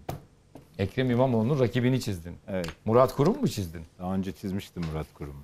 O zaman ha Sisi. üniforması. Sisi. Ha. Ama darbeci Sisi'yi çizdim. Peki bu o zaman Kravatlı değil, üniformalı özellikle. şey bu şey mi şimdi? Orada Deniz. bir ampul mü var? Ya onu yanlışlıkla daha önce çizmiştim. O ampul denk mü var geldi. yanında? Peki böyle Sisi'yi niye böyle şeyli yazdın? Güzel değişik yazmışsın. E, Seçim afişine benzetmeye çalıştım. Bu selam şekli Arapça falan çok gibi ilginç. Arapçaya benzetmiş. Yo yo seçim afişi olsun şey can canlı Ya olsun şöyle resim. orada yalnız bir şey söylemek zorundayım. Tesadüf mü ampulü çizdiğinde ampule selam veriyormuş gibi yani sesi. Ya ampulü daha önce çizmiştim. Ee, boş sayfayı da zayi ben de Mehmet Şimşek gibi sayfaları sonuna kadar kullanmaya Arkalarını özen gösteriyorum. O yazık olmasın sayfaya diye o boş kısmına çizince ampulü selamlar gibi bir şey oldu. Evet. Ee, ampulcüler yanlış anlamasın bir resim daha göstereceğim E, yalnız. göster. Ee, biraz önce Sonra da söylediğim kapatalım e, programı. şey e, Etimeskut'u merak edeceğiz. Etimeskut'u bekleyeceğiz dedik ya. Seçim gecesi. Ee, Etimeskut adayında onu biraz hızlı karaladım yani. Amirim. Behzat Ç. mi Erdal Beşikçioğlu mu? Amirim mi Erdal diyorlar? Beşikçioğlu. Amirim mi diyorlardı? Amirim Behzatçı Behzatçı diye anons ettiler Metin. Evet. İşi zor. Ee, bu saate kadar bizi izlediniz, sabrettiniz. Çok teşekkür ediyoruz.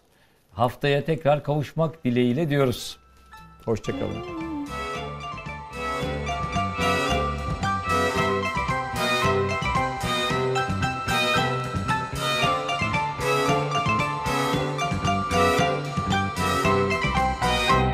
Söyle şimdi nasıl haberler, haberler, iyi mi kötü mü haber?